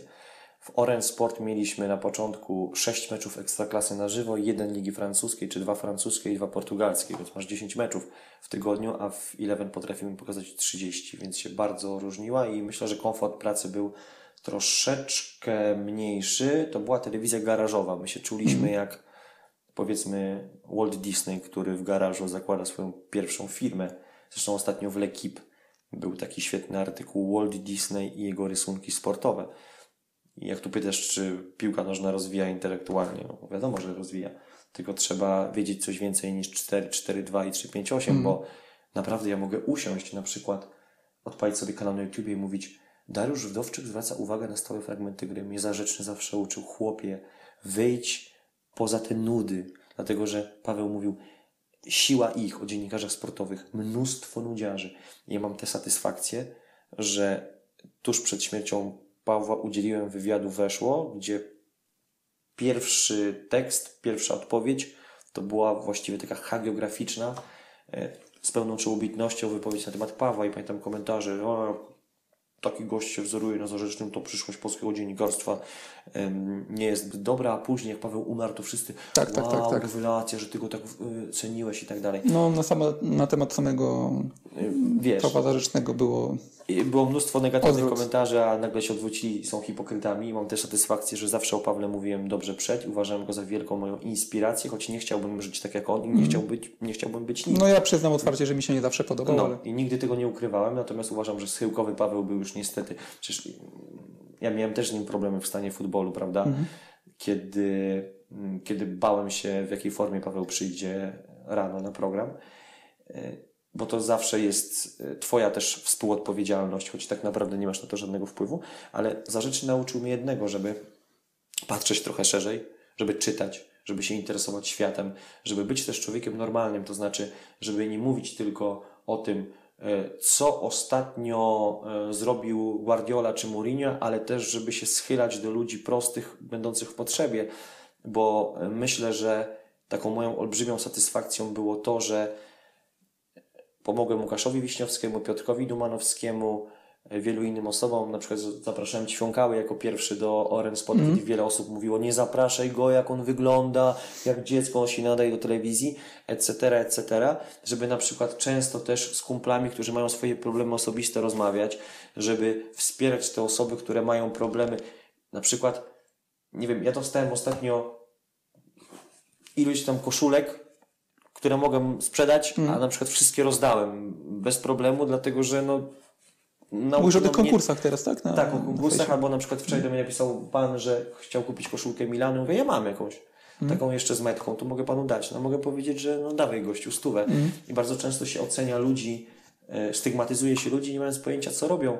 A zawsze mi się wydawało, że na przykład działania charytatywne e, są e, taką twoją prywatną sprawą i bardzo mnie zainspirował Gaetano Schirea, który zginął tragicznie na drodze nieopodal Babska. Wybitna postać Juventusu, tragiczna śmierć, spłonął, dlatego że kiedy on umarł, to jego żona się dowiedziała, bo to były pielgrzymki prywatnych osób, rodzin, że on pomagał komuś, kompletnie nie mówiąc o tym nawet swojej żonie, najbardziej zaufanej osobie w jego życiu.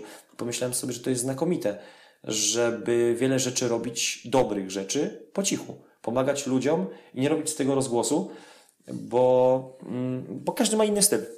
Ktoś sobie może z tego robić rozgłos, zachęcać innych i to jest jak najbardziej chwalebne, ale ty powinieneś robić to po swojemu i Zarzeczny mnie tego trochę nauczył. Pewnej empatii, wrażliwości, którą się powinno mieć, a z drugiej strony takiej skóry krokodyla, bo twoja robota będzie oceniana przede wszystkim negatywnie. I Paweł mi też powiedział takie zdanie, którego wtedy nie rozumiałem, bo zapytał mnie kiedyś, święty, co jest najważniejsze w dziennikarstwie? Miałem z 22-23 lata. Mówię, pasja. A on mówi, no. Masz jeszcze jedną szansę. Mówię, nie wiem, wytrwałość. Daj spokój. Okej, jeszcze jedna szansa. Mówię, ja wiem, no determinacja. Daj spokój. Mówię, nie, talent. Mówi, nie. Księgowa. Ja mówię, dlaczego księgowa? Dlatego, że jak jesteś inteligentnym facetem, który zarabia bardzo duże pieniądze, to możesz sobie kupić szczęście, bo podróże dają szczęście, bo rozwój osobisty, bo ja bym sobie nie mógł w mojej poprzedniej pracy zapłacić 700 zł miesięcznie za hiszpański i 800 za włoski. To jest 1500 zł, bo dzięki temu, że z Filipem się rozwijamy, będziemy mogli robić produkcję. Sam wiesz, jak dużo kosztuje wyjazd na przykład do klubu zagranicznego z operatorem, a później zmontowanie tego wszystkiego, bo to jest drogie, choć ludziom się wydaje, że dziennikarstwo powinno być za darmo. I Paweł mówił księgowo, ja wtedy mówię, ale co ty gadasz, ja tu jestem młody, pracuję się dla pasji. Paweł mówi, nie bądź hipokrytą. I miał rację. On mnie nauczył takiego podejścia, że trzeba dbać o własne interesy, bo jest wielu tych poetów dziennikarstwa, którzy przyjdą na przykład do ciebie za jakiś czas i będą ci mówić, to jest zawód, w którym pracuje się dla pasji, a później spotkam ich w barze i będą przez 5 godzin mówić, że mało zarabiają. I ja tego nie lubię. Dlatego ci mówię, że księgowa jest w dziennikarstwie bardzo, bardzo ważna, ale nie najważniejsza. Dlatego, że jakość cię zawsze obroni. Jak będziesz dobrym dziennikarzem, to zawsze będziesz miał propozycje i, i tak dalej. Natomiast co jest w ogóle interesującego, powiem Ci. Ostatnio dostałem taką ciekawą ofertę od e, jednej firmy i powiedziałem, słuchajcie, ja nie chcę tych pieniędzy do mojej kieszeni. Okej. Ja chcę te pieniądze, pieniądze na produkcję. I Wy będziecie brandem, przy którym ja będę mógł sobie rozwijać własny kanał A też ludziom wytłumaczę, słuchajcie, ja muszę wrzucać te reklamy, dlatego że dzięki temu wy dostaniecie na przykład film o tym i o tym. I oni mówią w porządku i w ogóle Cię chcemy zaangażować, dlatego że mamy raporty z Twittera i w ostatnim czasie byłeś osobą, y, której posty najbardziej rezonowały, czyli najbardziej oddziaływały na ludzi, było najwięcej reakcji. Negatywnymi się nie przejmuj, pamiętaj, że im więcej hejterów, tym lepiej dla Ciebie. To było spotkanie z poważną firmą. Pytam się, ale jak to? On mówił, słuchaj, dlatego, że jeżeli hejter pisze, że ty jesteś beznadziejny i angażuje innych ludzi e, w tę samą dyskusję, to super, bo ciągle się o tobie pisze. Największym zabójstwem dla ciebie będzie to, jeżeli przestaną w ogóle... To czeje, bo to ostatnio napisałeś na Twitterze chyba komuś, że nieważne jak mówicie, tak? Tak, Ale- ale dlatego, mówicie. że oni nie wiedzą, hejter nie wie, że poświęcając czas i pisząc o mnie, on pośrednio sprawia, Przyczynia że się, tak. przyczynia się do moich bardzo dobrych zarobków i rozwijania moich pasji. Więc myślę, że najgorszą rzeczą, którą mogliby zrobić moi hejterzy i wszystkich nas, to jest to, żeby nas polubić. Mhm. Poza tym, jak wchodzisz w dziennikarstwo, to musisz sobie odpowiedzieć na pytanie, czy ty chcesz być sobą? I chcesz, żeby ludzie cię nie lubili, żebyś irytował, żeby się zgadzali, nie zgadzali, chcesz mieć całą paletę emocji, czy chcesz być Juskiem poprawnym politycznie, który panicznie się boi, nie, ja nikomu nie kibicuję, nie, nikomu nie kibicuję. No Jezus Maria, no, no, no, miałem taką historię, pisał y, o mnie takie, w takiej nitce negatywne rzeczy, bo często ktoś mówi, że ja sprawdzam swoje nazwisko w wyszukiwarce, tak, tak, tak. a słuchaj, mnie normalnie ludzie oznaczają, więc ja odpisuję. Czasami ktoś z redakcji mi coś wyśle, no to odpiszę.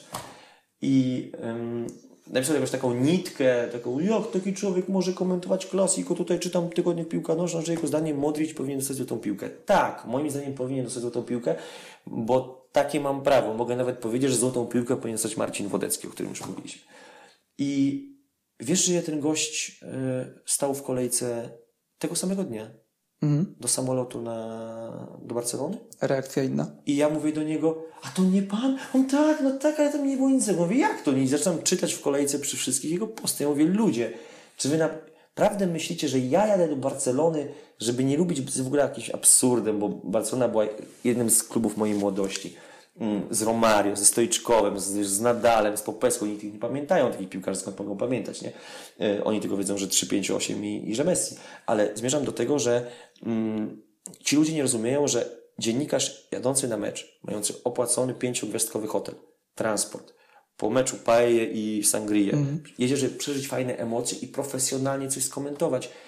I naprawdę, czy złotą piłkę zdobędzie Modric, czy Stoiczkow, czy zdobędzie Marcin Wodecki, nie ma to dla mnie żadnego znaczenia, ale jeżeli ktoś mnie pyta, kto moim zdaniem, to ja sobie tego piłkarza wybieram.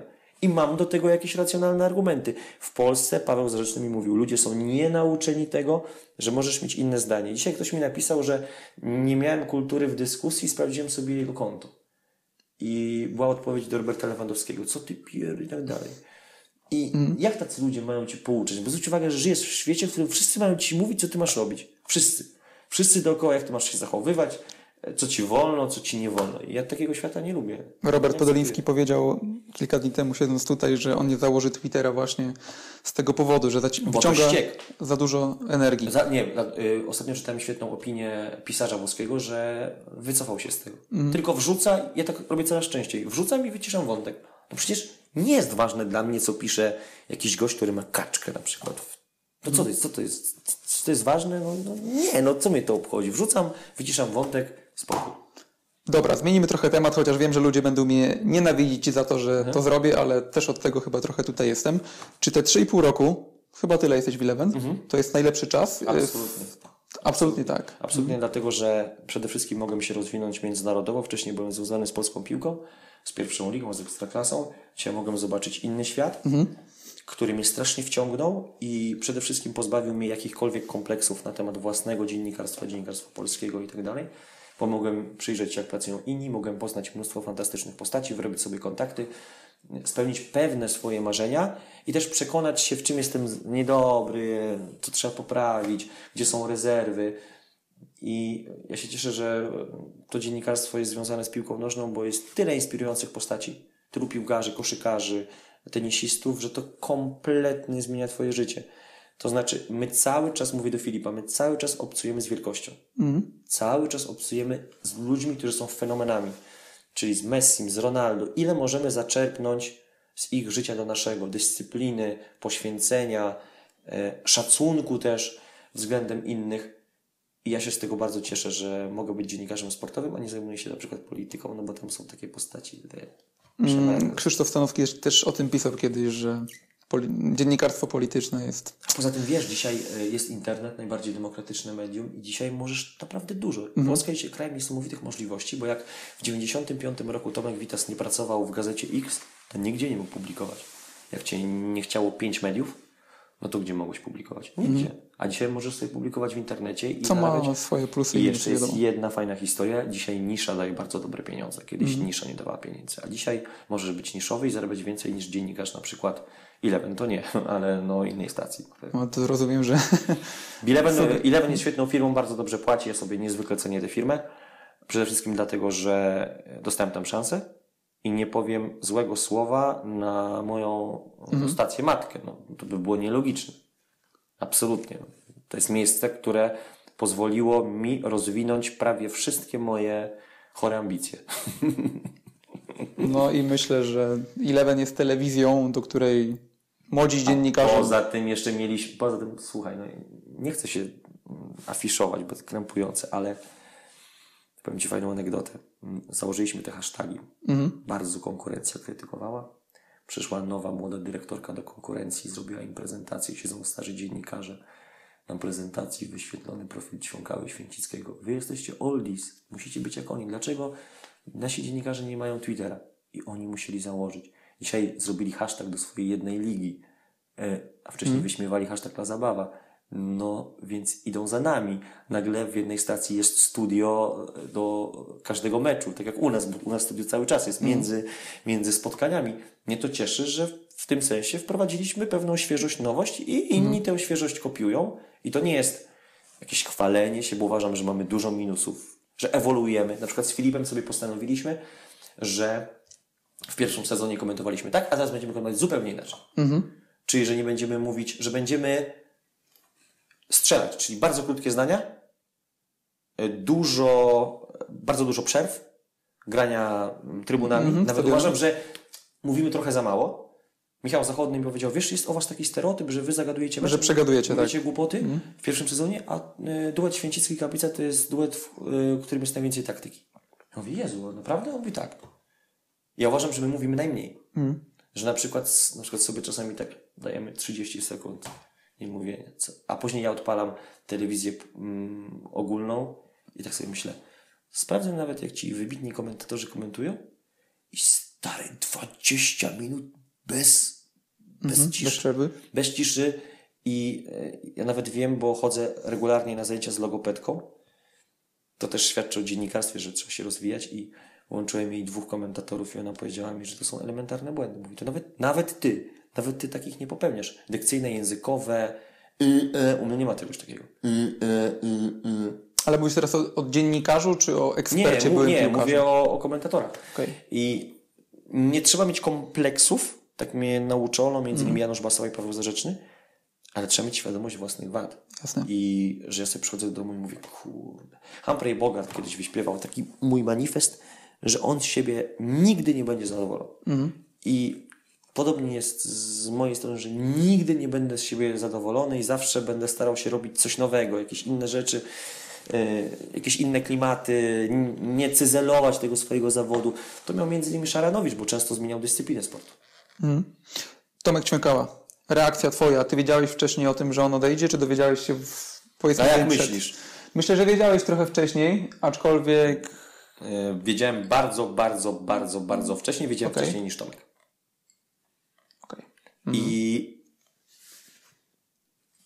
nie rozumiałem w ogóle tego podejścia wielu osób, a to świadczy, że oni nigdy nie pracowali. Bo Tomek Witas pracuje w firmie X, przychodzi firma Y i mówię, Panie Tomku, my Pana bardzo cenimy, lubimy, widzimy co Pan robi, proponujemy Panu tyle, tyle, tyle miesięcznie, proponujemy Panu to, to, to i to. A Ty mówisz, ok, spotkajmy się, ja chcę to, to, to i to. Oni mówią, okej, okay, akceptujemy. Hmm. Deal. Deal. Jak pracowałem w Orange Sport, tworzyliśmy grupę kumpli. Takich e, poza redakcją i w redakcji z Łukaszem Wiśniowskim nawet mieszkałem. I nagle tracimy prawa do ekstraklasy. Mm. Jednego dnia odchodzi Marciniak, Wodziński, Skrzyński. Wciąż wszyscy pracują w Kanal Plus. Woła mnie Janusz Basała i mówi, święty, wdzięczność to jest cecha szczeniąt, jak mawiał e, Stalin. Tylko ty nie odchodź. W porządku. Po roku Janusz i Wiśnia zwijają się do PZPN-u, 2012 rok, październik, czyli więcej niż 12 miesięcy. Kilka miesięcy później odchodzi Tomek Włodarczyk do przeglądu sportowego i Piotrek Dumanowski dołącza do Polskiego Związku Piłki Nożnej. Nie ma. My jesteśmy sumą własnych doświadczeń. I wtedy to był dla mnie dramat. Dzisiaj odejście Tomka jest przyjęciem pewnej zasady w biznesie, która się pojawia raz na jakiś czas, że kumple z redakcji mogą odejść, suwerennie podejmują decyzje, nic mi do tego i uważam, że jeżeli on dokonał takiego wyboru, to to jest jego sprawa. Dla mnie komentowanie z nim meczów było gigantyczną przyjemnością. Uwielbiałem to robić. Skomentowaliśmy cztery klasyki. Nawet ja nie myślałem, że kiedykolwiek będę mógł skomentować klasiko. I uważam go za świetnego dziennikarza i, i gościa, który ma swoją armię wyznawców, niezwykłą. Natomiast nie poddałem się takiej opinii, że jak Tomek odejdzie, to nie będzie u nas w redakcji prądu, gazu, wody, Ale wiesz- drzemy, mech porośnie wszystko, dlatego że byłby to nie tak wobec moich kolegów i wobec mnie, że my sobie nie damy rady, bo odchodzi jeden zawodnik. Berlusconi zawsze mówił, jeden zawodnik nie rozwiązuje problemów całej drużyny. I trochę w tym prawdy jest, i to mi się nie podobało, bo uważam, że mamy na tyle kumatą grupę ludzi, którzy sobie spokojnie poradzą. I Ćwionki też doskonale to wie, bo jest mądrym chłopakiem. Yy, mówisz o, o braku gazu, prądu i tak dalej, a przecież jeszcze w lutym mówiło się, że Kanal Plus jest bliski upadku. Znaczy mówiło się, pisało się na Twitterze. Ale kto to pisze? Dzisiaj ktoś napisał, że Eleven Sports jest bliskie upadku, że tam, tam ludzie zaczęli je oznaczać. Tymczasem ja dostaję dzisiaj propozycję pracy w Eleven Sports na Ileś, ileś tam. No to, przepraszam, czy ja wiem lepiej, czy wie to ktoś, kto sobie mógł to wymyśleć? Żyjemy w erze fake newsów. Oczywiście, ja przyjąłem jedną zasadę w dziennikarstwie, że jak coś się robi, na przykład Ligę Włoską, to ja mogę to stracić jutro. Naprawdę. I mogą mi jutro wyrzucić i to jest ich święte prawo. I ja sobie na tyle później życie ułożę, że będzie ok, mam dwie ręce, y, dwie nogi i mózg. Natomiast przesadnie się tym zawodem nie egzaltuję, bo nie wiem, czy za rok będę w nim pracował, czy za pół roku, czy, czy za trzy miesiące. E, Nie przyjmuję tych, nie zajmuję się plotkami w ogóle. To znaczy, e, nie interesuje mnie, co się dzieje w branży dziennikarskiej, kto kogo kupił, kto gdzie przechodzi, bo to nie jest konstruktywne. To, to w ogóle to jest brak jakiejkolwiek dla mnie logiki, dlatego że mam tyle obowiązków. Dzisiaj Ci mówiłem, wstałem o 5.30, od 6.00 jestem na nogach, nagrywamy ten wywiad, jest 21.00. I gdzie ja mam ten zakres obowiązków zmieścić rozkminy, czy pan XYZ piszący na Twitterze, że Eleven upadnie, to on wie lepiej niż ja? No, no nie, no bądźmy poważni. Dobra. Kiedy reportaż o Widalu? Barcelona mocno skomplikowała historię, Okay. dlatego że byliśmy już ugadani w e, Monachium na rozmowę. W ostatniej chwili szt, wyjazd. Jestem e, w takim momencie, kiedy nie mogę zrobić rozmowy z jego preparadorem fiziko, czyli trenerem przygotowania fizycznego, Juanem Ramirezem. Natomiast Arturo wie i nauczyłem się cierpliwości w branży dziennikarskiej. Czyli sobie zrobiłem wstęp, zmontowaliśmy już wstęp, zrobiliśmy takie fajne historie i trochę to przemodeluję, czyli zrobię mm, historię Arturo Vidala oczami kogoś, kto bardzo go ceni. E, Faceta, który też jest kontrowersyjny bardzo, ale to była dla mnie niesamowita przygoda poznać w ogóle tę historię jego od podstaw i dlatego mam szacunek, mimo tego, że bardzo często robię jakieś błędy w życiu osobistym, to myślę, że wiem, dlaczego te błędy się pojawiają. Jestem mniej radykalny w ocenie tego gościa. Natomiast kiedy to powstanie, ja tylko czekam na sygnał z drugiej strony. Jeżeli będzie tak, no to ja wsiadam i, i jadę w każdej chwili, bo już mnie nie ograniczają kwestie jakiegoś budżetu, bo wiesz, zarabiasz pieniądze w firmie X i nie możesz dokładać do czegoś wiecznie, prawda? Bo to jest pozbawione logiki. Ale jak już masz sponsora i możesz gdzieś wyjeżdżać, to się otwierają niesamowite możliwości robienia wielu, wielu, wielu wspaniałych rzeczy. Poza tym, co było domeną tego kanału, czy pseudo kanału, że my sobie zawsze możemy wrzucić albo nie wrzucić. Możemy sobie zrobić kiedy chcemy e, możemy czekać rok. No nie ma deadline'ów, tak. Dwa lata, nie ma deadline'u. Mm, Natomiast mam też taki pomysł, żeby przełamać pewien schemat, bo się interesuję holistycznie swoim zawodem i żeby zrobić y, film iPhone'em XS-em, ale nie tak, że wiesz, się tam trzęsie z obiektywami, można kupić w Stanach Zjednoczonych, Mhm. No, gimbal. sprowadzić z jakimś fajnym gimbalem, ale nie DJI innym, bo jest inny, lepszy, Mhm. który można ściągnąć ze Stanów Zjednoczonych, bo trzeba obserwować. No, nie można stawiać kamerki i do niej gadać. Hej, jak z katedra, tu ja, Mateusz Święcicki. Moim zdaniem Barcelona coś tam. Przecież to zdanie dziennikarza jest wyczytane z jakiejś gazety. Przecież znam to. Więc moim zdaniem w mojej wizji dziennikarstwa trzeba sprzedawać ludziom postać, czyli piłkarza, trenera. Mhm. Tylko menedżera. wiesz, jaka przeszkoda jest nad takimi, chociażby jak ja. Że ty masz trudny dostęp. Brak kasy nawet. Hmm? O, oczywiście. I to ci mówiłem już wcześniej, że No tak, tak, że że dziennikarstwo, dziennikarstwo pozwala. kosztuje. Dziennikarstwo kosztuje i rozwijanie się w dziennikarstwie też kosztuje. I to jest taki zawód, w który moim zdaniem musisz ciągle, ciągle, ciągle inwestować. Kuba Wojewódzki powiedział, że trzeba zainwestować, włożyć, żeby później wyciągnąć. Czyli na przykład e, miałem dzisiaj rozmowę z Łukaszem Wiśniowskim, on mówi, słuchaj, musimy wydać tyle, tyle, tyle, tyle. Mogłem te pieniądze przeznaczyć na płytki, bo wprowadzamy się do nowego mieszkania. Ale mówię, dobra, teraz coś rozkręcę, a później dzięki temu przyjdą większe pieniądze. Czyli trzeba myśleć szeroko, patrzeć, że czasami te pieniądze mogą nie przyjść, bo się nagle okaże, że Twój produkt jest niewypałem, bo ludzie tego nie oglądają. Więc y, to ogranicza młodych ludzi. Przede wszystkim jest coraz trudniejszy kontakt z piłkarzami. Coraz Kluby, trudniejszy. korporacje. I, I dlatego niesamowicie ciężko jest się dobić do, do graczy, robić takie rzeczy Wiesz, topowe. y, wczoraj właśnie jak były te pytania, to jeden y, użytkownik napisał, i to okazało się, że to jest pytanie do Ciebie, a nie zarzut Mhm. do mnie, dlaczego robi się tyle rozmów z dziennikarzami, a coraz mniej z piłkarzami? Nie, nie robi się Nie. dużo rozmów z dziennikarzami. No ty zrobiłeś kilka e, z No dziennikarzami. jest kilka kanałów, y, wcześniej wiesz jeszcze Twany Gapa też z dziennikarzami, zostawmy to, nie o to mi chodzi. Ym, Ja myślałem, że to jest zarzut do mnie, chciałem się obronić. A jak z oglądalnością? Czy myślisz, że gdybyś zrobił rozmowę z... Słuchaj, porównam.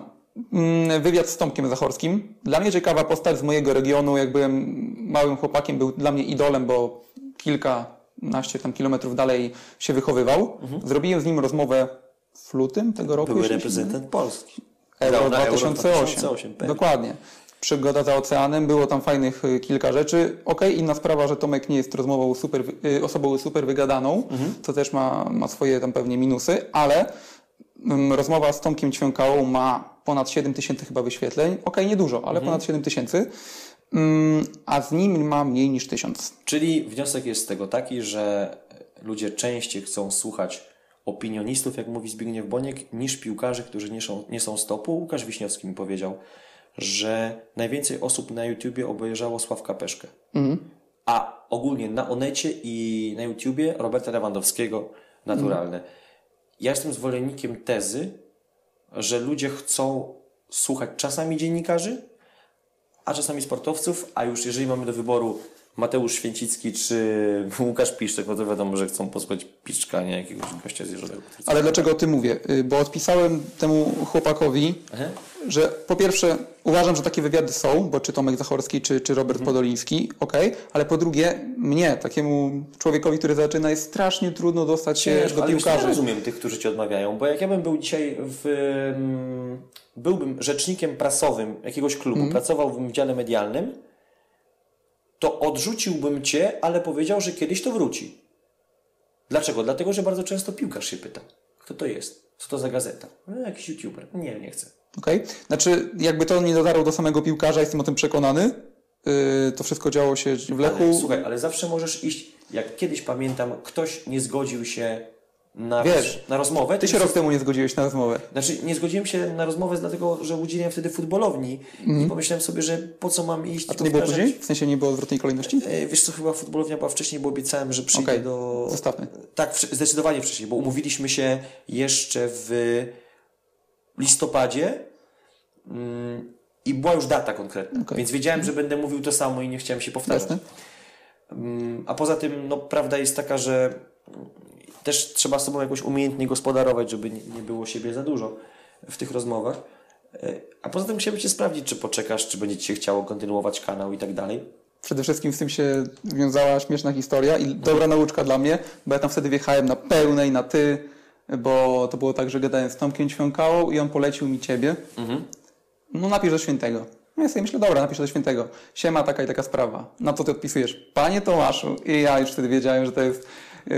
Ale elegancko się chciałem zachować, wiesz, żeby było... Że, że... Jasne, ale jak ja, jak ja wypaliłem z siema i dostaję zwrotkę, panie Tomaszu, to sobie myślę, okej, okay, Ale nie chciałem być niegrzeczny, po prostu nie, bo nie.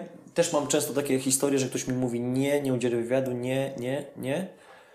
A czasami mam tak, że załatwiłem sobie wywiad z piłkarzem, a rzecznik mówi nie. Muszę mu tłumaczyć, że ja już tego piłkarza przekonałem. A on dalej mówi, że nie.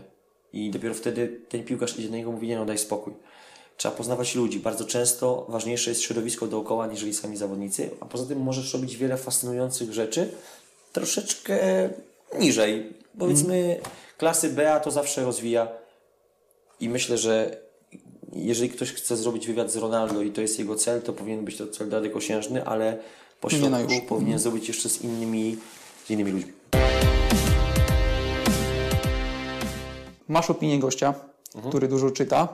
Bardzo dużo. Ale okej, okay, czytasz książki piłkarskie, to zostawmy. Ile czytasz niepiłkarskich w skali Mnóstwo. miesiąca? Dlatego, że mm, ci, którzy mnie nie znają, nie mają pojęcia po pierwsze, co ja robię mm, na przykład w domu, ale nie mam czegoś takiego, że muszę odpoczywać. To znaczy, sen jest dla mnie naturalnym odpoczynkiem. Mm. Na przykład mam fazy. To znaczy, faza fascynacji okresem stanu wojennego. I wpisuję, lubimy czytać PL, mm. stan wojenny, sprawdzam, które książki mają mm. recenzję. Faza Ameryki Południowej. Jakie książki? Na przykład Faza Ryszarda Kapuścińskiego. Muszę wszystkie, które napisał. Burz po polsku ostatnio czytałem. Mm.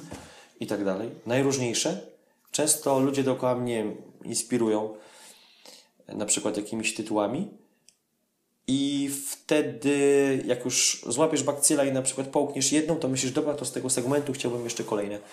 Więc mnóstwo, chociaż wciąż uważam, że czytam za mało, żeby, żeby czuć się swobodnie językowo, żeby czuć się swobodnie w wielu środowiskach takich intelektualnych. Miałem fajną historię, bo ostatnio byłem u Barbera i e, był pan z Indii i sobie rozmawialiśmy o Shantaram. Okay. I to było dla mnie fajne, że nagle e, ta książka była wstępem, zapytałem go o kastowość, o historię e, Indii, o to, jak się ten kraj zmienia, etc., o Slamdogu, o znakomitym mm -hmm. filmie. I pomyślałem sobie, kurczę, jak fajnie pójść do jakiegoś środowiska i rozmawiać o czymś, co jest interesujące, ale co nie jest w ogóle związane z piłką nożną, tak samo z kinematografią i taki mój problem, który mnie strasznie dręczy, to jest to, że człowiek nie będzie w stanie przeczytać tyle, ile by chciał i obejrzeć tylu mhm. filmów, ile by chciał. I nie robię tego sztucznie, tylko po prostu myślę, że zapisane w DNA dziennikarza powinna być permanentna, nawet pernamiętna chęć poznania świata. Cholerna ciekawość drugiego człowieka, jego opinii, spojrzenia, pewna wrażliwość, którą się powinno posiadać. Polacy za mało czytają? Nie wiem, dlatego że nie chcę oceniać Polaków, to zależy jacy, bo często widzę tych, którzy czytają, natomiast statystyki Biblioteki Narodowej są przerażające, ale Paweł Zarzeczny chyba miał rację o tych 3% społeczeństwa. Ja się nie czuję nikim lepszym, że czytam więcej, bo wiem, że ludzie często mają multum obowiązków i wolą się zrelaksować na przykład przy Netflixie, a nie czytaniu e, i są ci, którzy czytać nie lubią, po prostu to ich męczy, e, nudzi, irytuje. Ale tak jak powiedziałem, wszyscy moi mistrzowie mówili mi, że czytanie jest najważniejsze i wszedłem w ten świat i mnie to zafascynowało po prostu. Netflix. Może okej, okay. troszkę poszerzmy, bo chciałem dopytać, czy Narcos, czy Gomorra? Gomorra, dlatego, że jest mi bliższa kulturowo. Mm. Może dlatego, że z Wagnerem Murą trudniej byłoby przeprowadzić rozmowę. Hmm. Może dlatego, że nienawidziłem Pablo Escobara od samego początku, chciałem, żeby go zabito. A Jenny Savastano, czy w ogóle rodzina Savastano była dla mnie taką rodziną, której kibicowałem, czyli utożsamiasz się mm. z czarnym charakterem. Ja kocham filmy gangsterskie, czy serie ocierające się o, o gangsterskość. Na przykład uwielbiałem film, w którym padało często określenie My Man, American Gangster, Denzel Washington, mój ulubiony aktor. Kapitalny film Lot o alkoholiku, który, który jest pilotem. Cudowny, naprawdę. E, a wracając do American Gangster, e, piosenka Jaya Ziego, Heart of the City, bo to jest stary utwór, ale zremiksowany, zrobiony na nową modłę.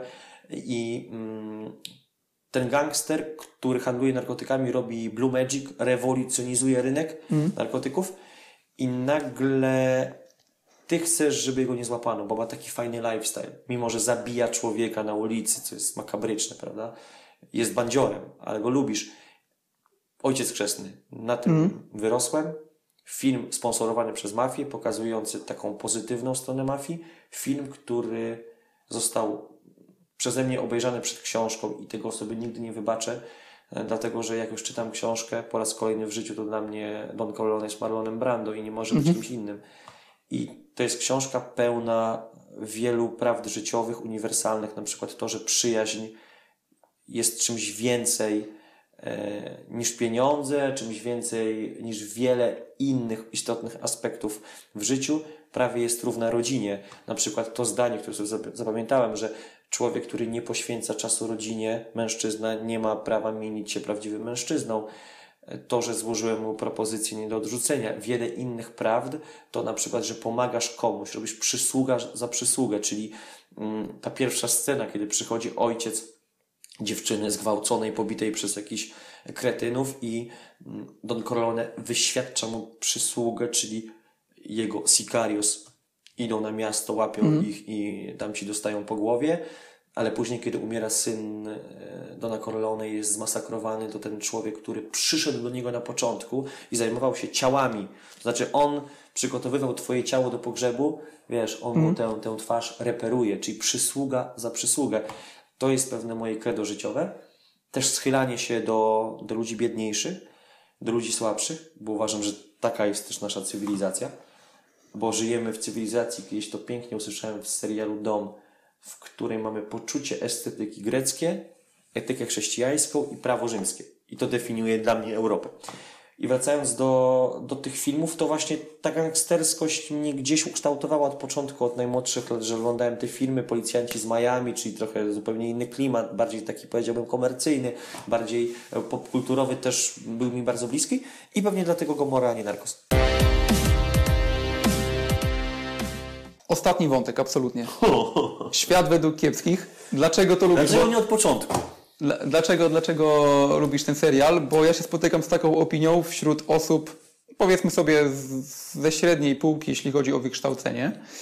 Mm, nie mam teraz na myśli wykształcenia średniego, tylko jakby sobie uh-huh. hierarchizując, że to nie jest dobry serial. Bo to jest serial, który oglądają głównie dwa segmenty ludzi albo tacy prości, niesamowicie, z wykształceniem powiedziałbym podstawowym czy zawodowym, albo niesamowicie ludzie wykształceni. Mhm. Dlatego, że człowiek prosty śmieje się z tego, że Ferdek kopnął paździocha w dupę, a człowiek niesamowicie inteligentny, oglądając na przykład odcinek mm, Pejzaż powyborczy, widzi niesamowitą ironię ze społeczeństwa. Jest to absolutnie najmądrzejszy serial w Polsce, jedyny moim zdaniem warty oglądania, mm. jeżeli mówimy o seriale komediowe, dlatego że tam często głupota przechodzi w nadgłupotę, nadgłupota staje się mądrością, bo to jest serial bardzo często o każdym z nas, o sąsiadach, o społeczeństwie, o Polsce. Jest fascynujący. I nic tak nie definiuje moim zdaniem gorzko też, czasami pozytywnie, polskości jak świat według kiepskich, Jednocześnie niesamowicie mnie bawi i jest dla mnie lekiem na stany trochę gorsze, to znaczy to jest mój taki prozak, antydepresant, że sobie włączę kiepskich, pośmieję się, mm. chociaż znam te odcinki na pamięć no, i tak rozumiem. dalej. Mm, I uważam, że, że to jest taka forma, którą uwielbiam, czyli przekazania pewnej mądrości podprogowo mm. w ubraniu kompletnej głupoty, czasem absurdu. Ten serial na początku był e, wyśmiewany, aktorzy byli stygmatyzowani, a później jest cały odcinek z Wodeckim. Wybitny polski twórca, artysta świętej pamięci przychodzi do kiepskich i gra główną rolę. Daniel Olbrychski, mm. kapitalny, pomnikowa postać, no człowiek z marmuru polskiej kinematografii. Wiele takich osób trafiało do tego serialu w ostatnich latach, grając rolę takie powiedziałbym pierwszoplanowe w jednym odcinku, mhm. dlatego że ludzie to docenili i to mi się bardzo podoba. Jeżeli ktoś twierdzi, że świat według kiepskich jest głupi, ja tego nie będę oglądał, to znaczy, że po prostu tego serialu nie rozumie. Jest mnóstwo odcinków głupich, które mi się nie podobają. Nie znoszę Waldka. Uważam, że jest kompletnie debilną postacią. No jest jeszcze postać Jolasi, która jest, chyba jest jeszcze gorsza. Tragedia, ale na przykład odcinek cały ten jazz. Mhm o tym, że oni zakładają kapelę jazzową, piją wódkę i jak kończy mi się wódka, to co robimy? I nagle grają na weselu. I to ci pokazuje, że ta mu- muzyka jazzowa bardzo często przez niektórych artystów jest uznawana jako e, część bohemy, którą robimy. Jesteśmy intelektualistami, ale proza życia jest tak brutalna, że te zespoły jazzowe, jak nie mają już pieniędzy, to grają na weselach hachary. I Paścioch mówi, niech pan pamięta, panie Fertku, bo pan się teraz czuje jak ostatnia muzyczna prostytutka, że e, muzykiem się jest, a jazzmenem się bywa. No piękna w ogóle metafora, każdy, kto kocha muzykę, kto kiedyś grał w jakimś, powiedzmy, nie wiem, jakiejś kapeli, w boys bandzie śpiewał, rozumie o co chodzi.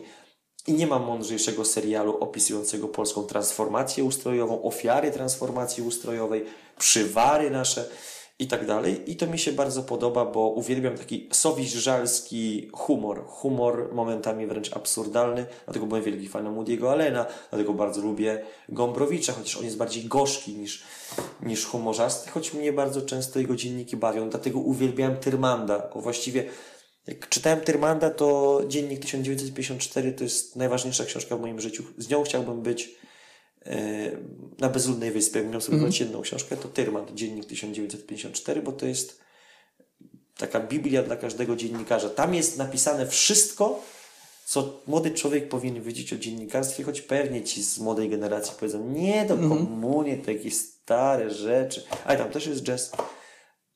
Tam też jest o samochodach, o dziewczynach bardzo młodych, o Bognie, która ma bodaj lat 16. Polecam każdemu dzienniki Tyrmanda. Ja jeszcze wrócę do świata według kiepskich, bo uważam, że okej, nie znam odcinków na pamięć, nie znam tytułów na pamięć, więc nie mogę się uważać za jakiegoś pasjonata jak ty, czy znane nam postacie z Twittera, które też lubią sobie zapostować w tym temacie, ale uważam, że po prostu w ostatnich latach jest to gorszy serial niż był w tym swoim kulminacyjnym momencie. Inaczej, jest więcej beznadziejnych odcinków, ale jak już jest dobry, to pozostaje perłą od początku do końca. Na przykład taki, kiedy Paździoł doszedł do wniosku, że jest gaz łupkowy w piwnicy. I to jest jeden z nowszych. Cały ten jazz też jest nowym odcinkiem.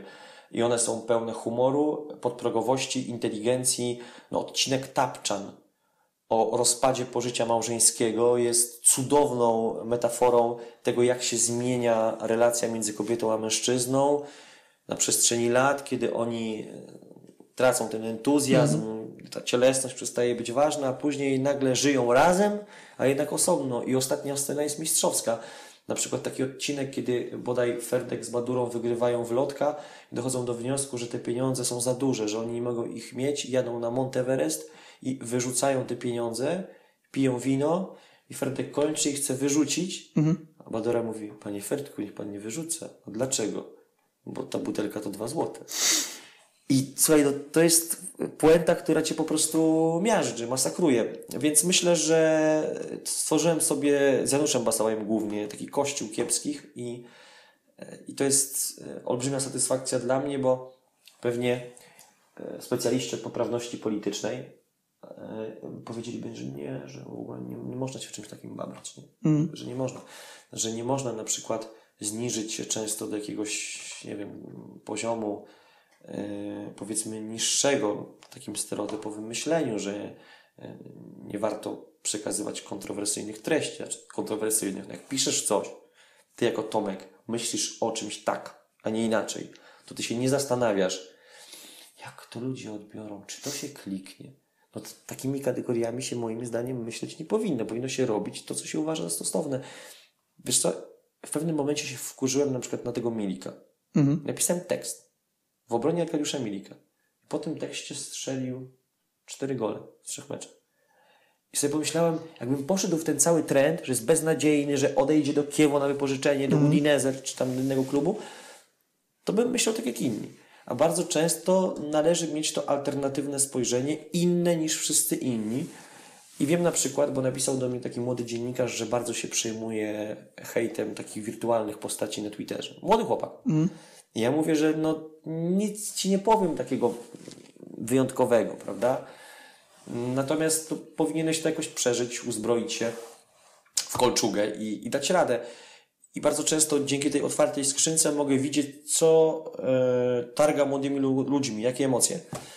I zauważyłem, że ci ludzie potrzebują rozmowy po prostu. Żeby ktoś im odpisał, e, żeby, nie chcę czy dał im jakąś radę, ale żeby napisał, dobra, jest w porządku. Ostatnio dzwonił do mnie jeden dziennikarz, którego wyrzuci, wyrzucili z jakiegoś tam medium. Ja mówię, dobra, no to ci wyrzucili, to ich strata, nie twoja, nie myśl takimi kategoriami, że ci się świat załamał. Może dobrze nie będzie, ale, ale wiesz, trzeba patrzeć na pewne rzeczy z perspektywy wielu lat, a nie oceniać em, wydarzeń już, bo czasami coś bardzo złego teraz, na przykład upadek Orange Sport, był bardzo zły w tamtym momencie, ale był jedną z najlepszych rzeczy, jaka spotkała nas wszystkich prawie. Piotka Domanowskiego, mnie Wszystko dzieje się po coś. i szereg innych osób. Musimy powoli kończyć, bo już mamy po prostu tyle materiału, że ja nie wiem, czy ktoś wytrwał do tego momentu, ale, Nikt tego nie będzie słuchał, wiesz? ale teraz się zabawię w siebie pewnie sprzed kilku lat, kiedy jeszcze bym czytał pytanie i teraz przeczytam dlatego, że Równo z trawą nie wytniesz. No.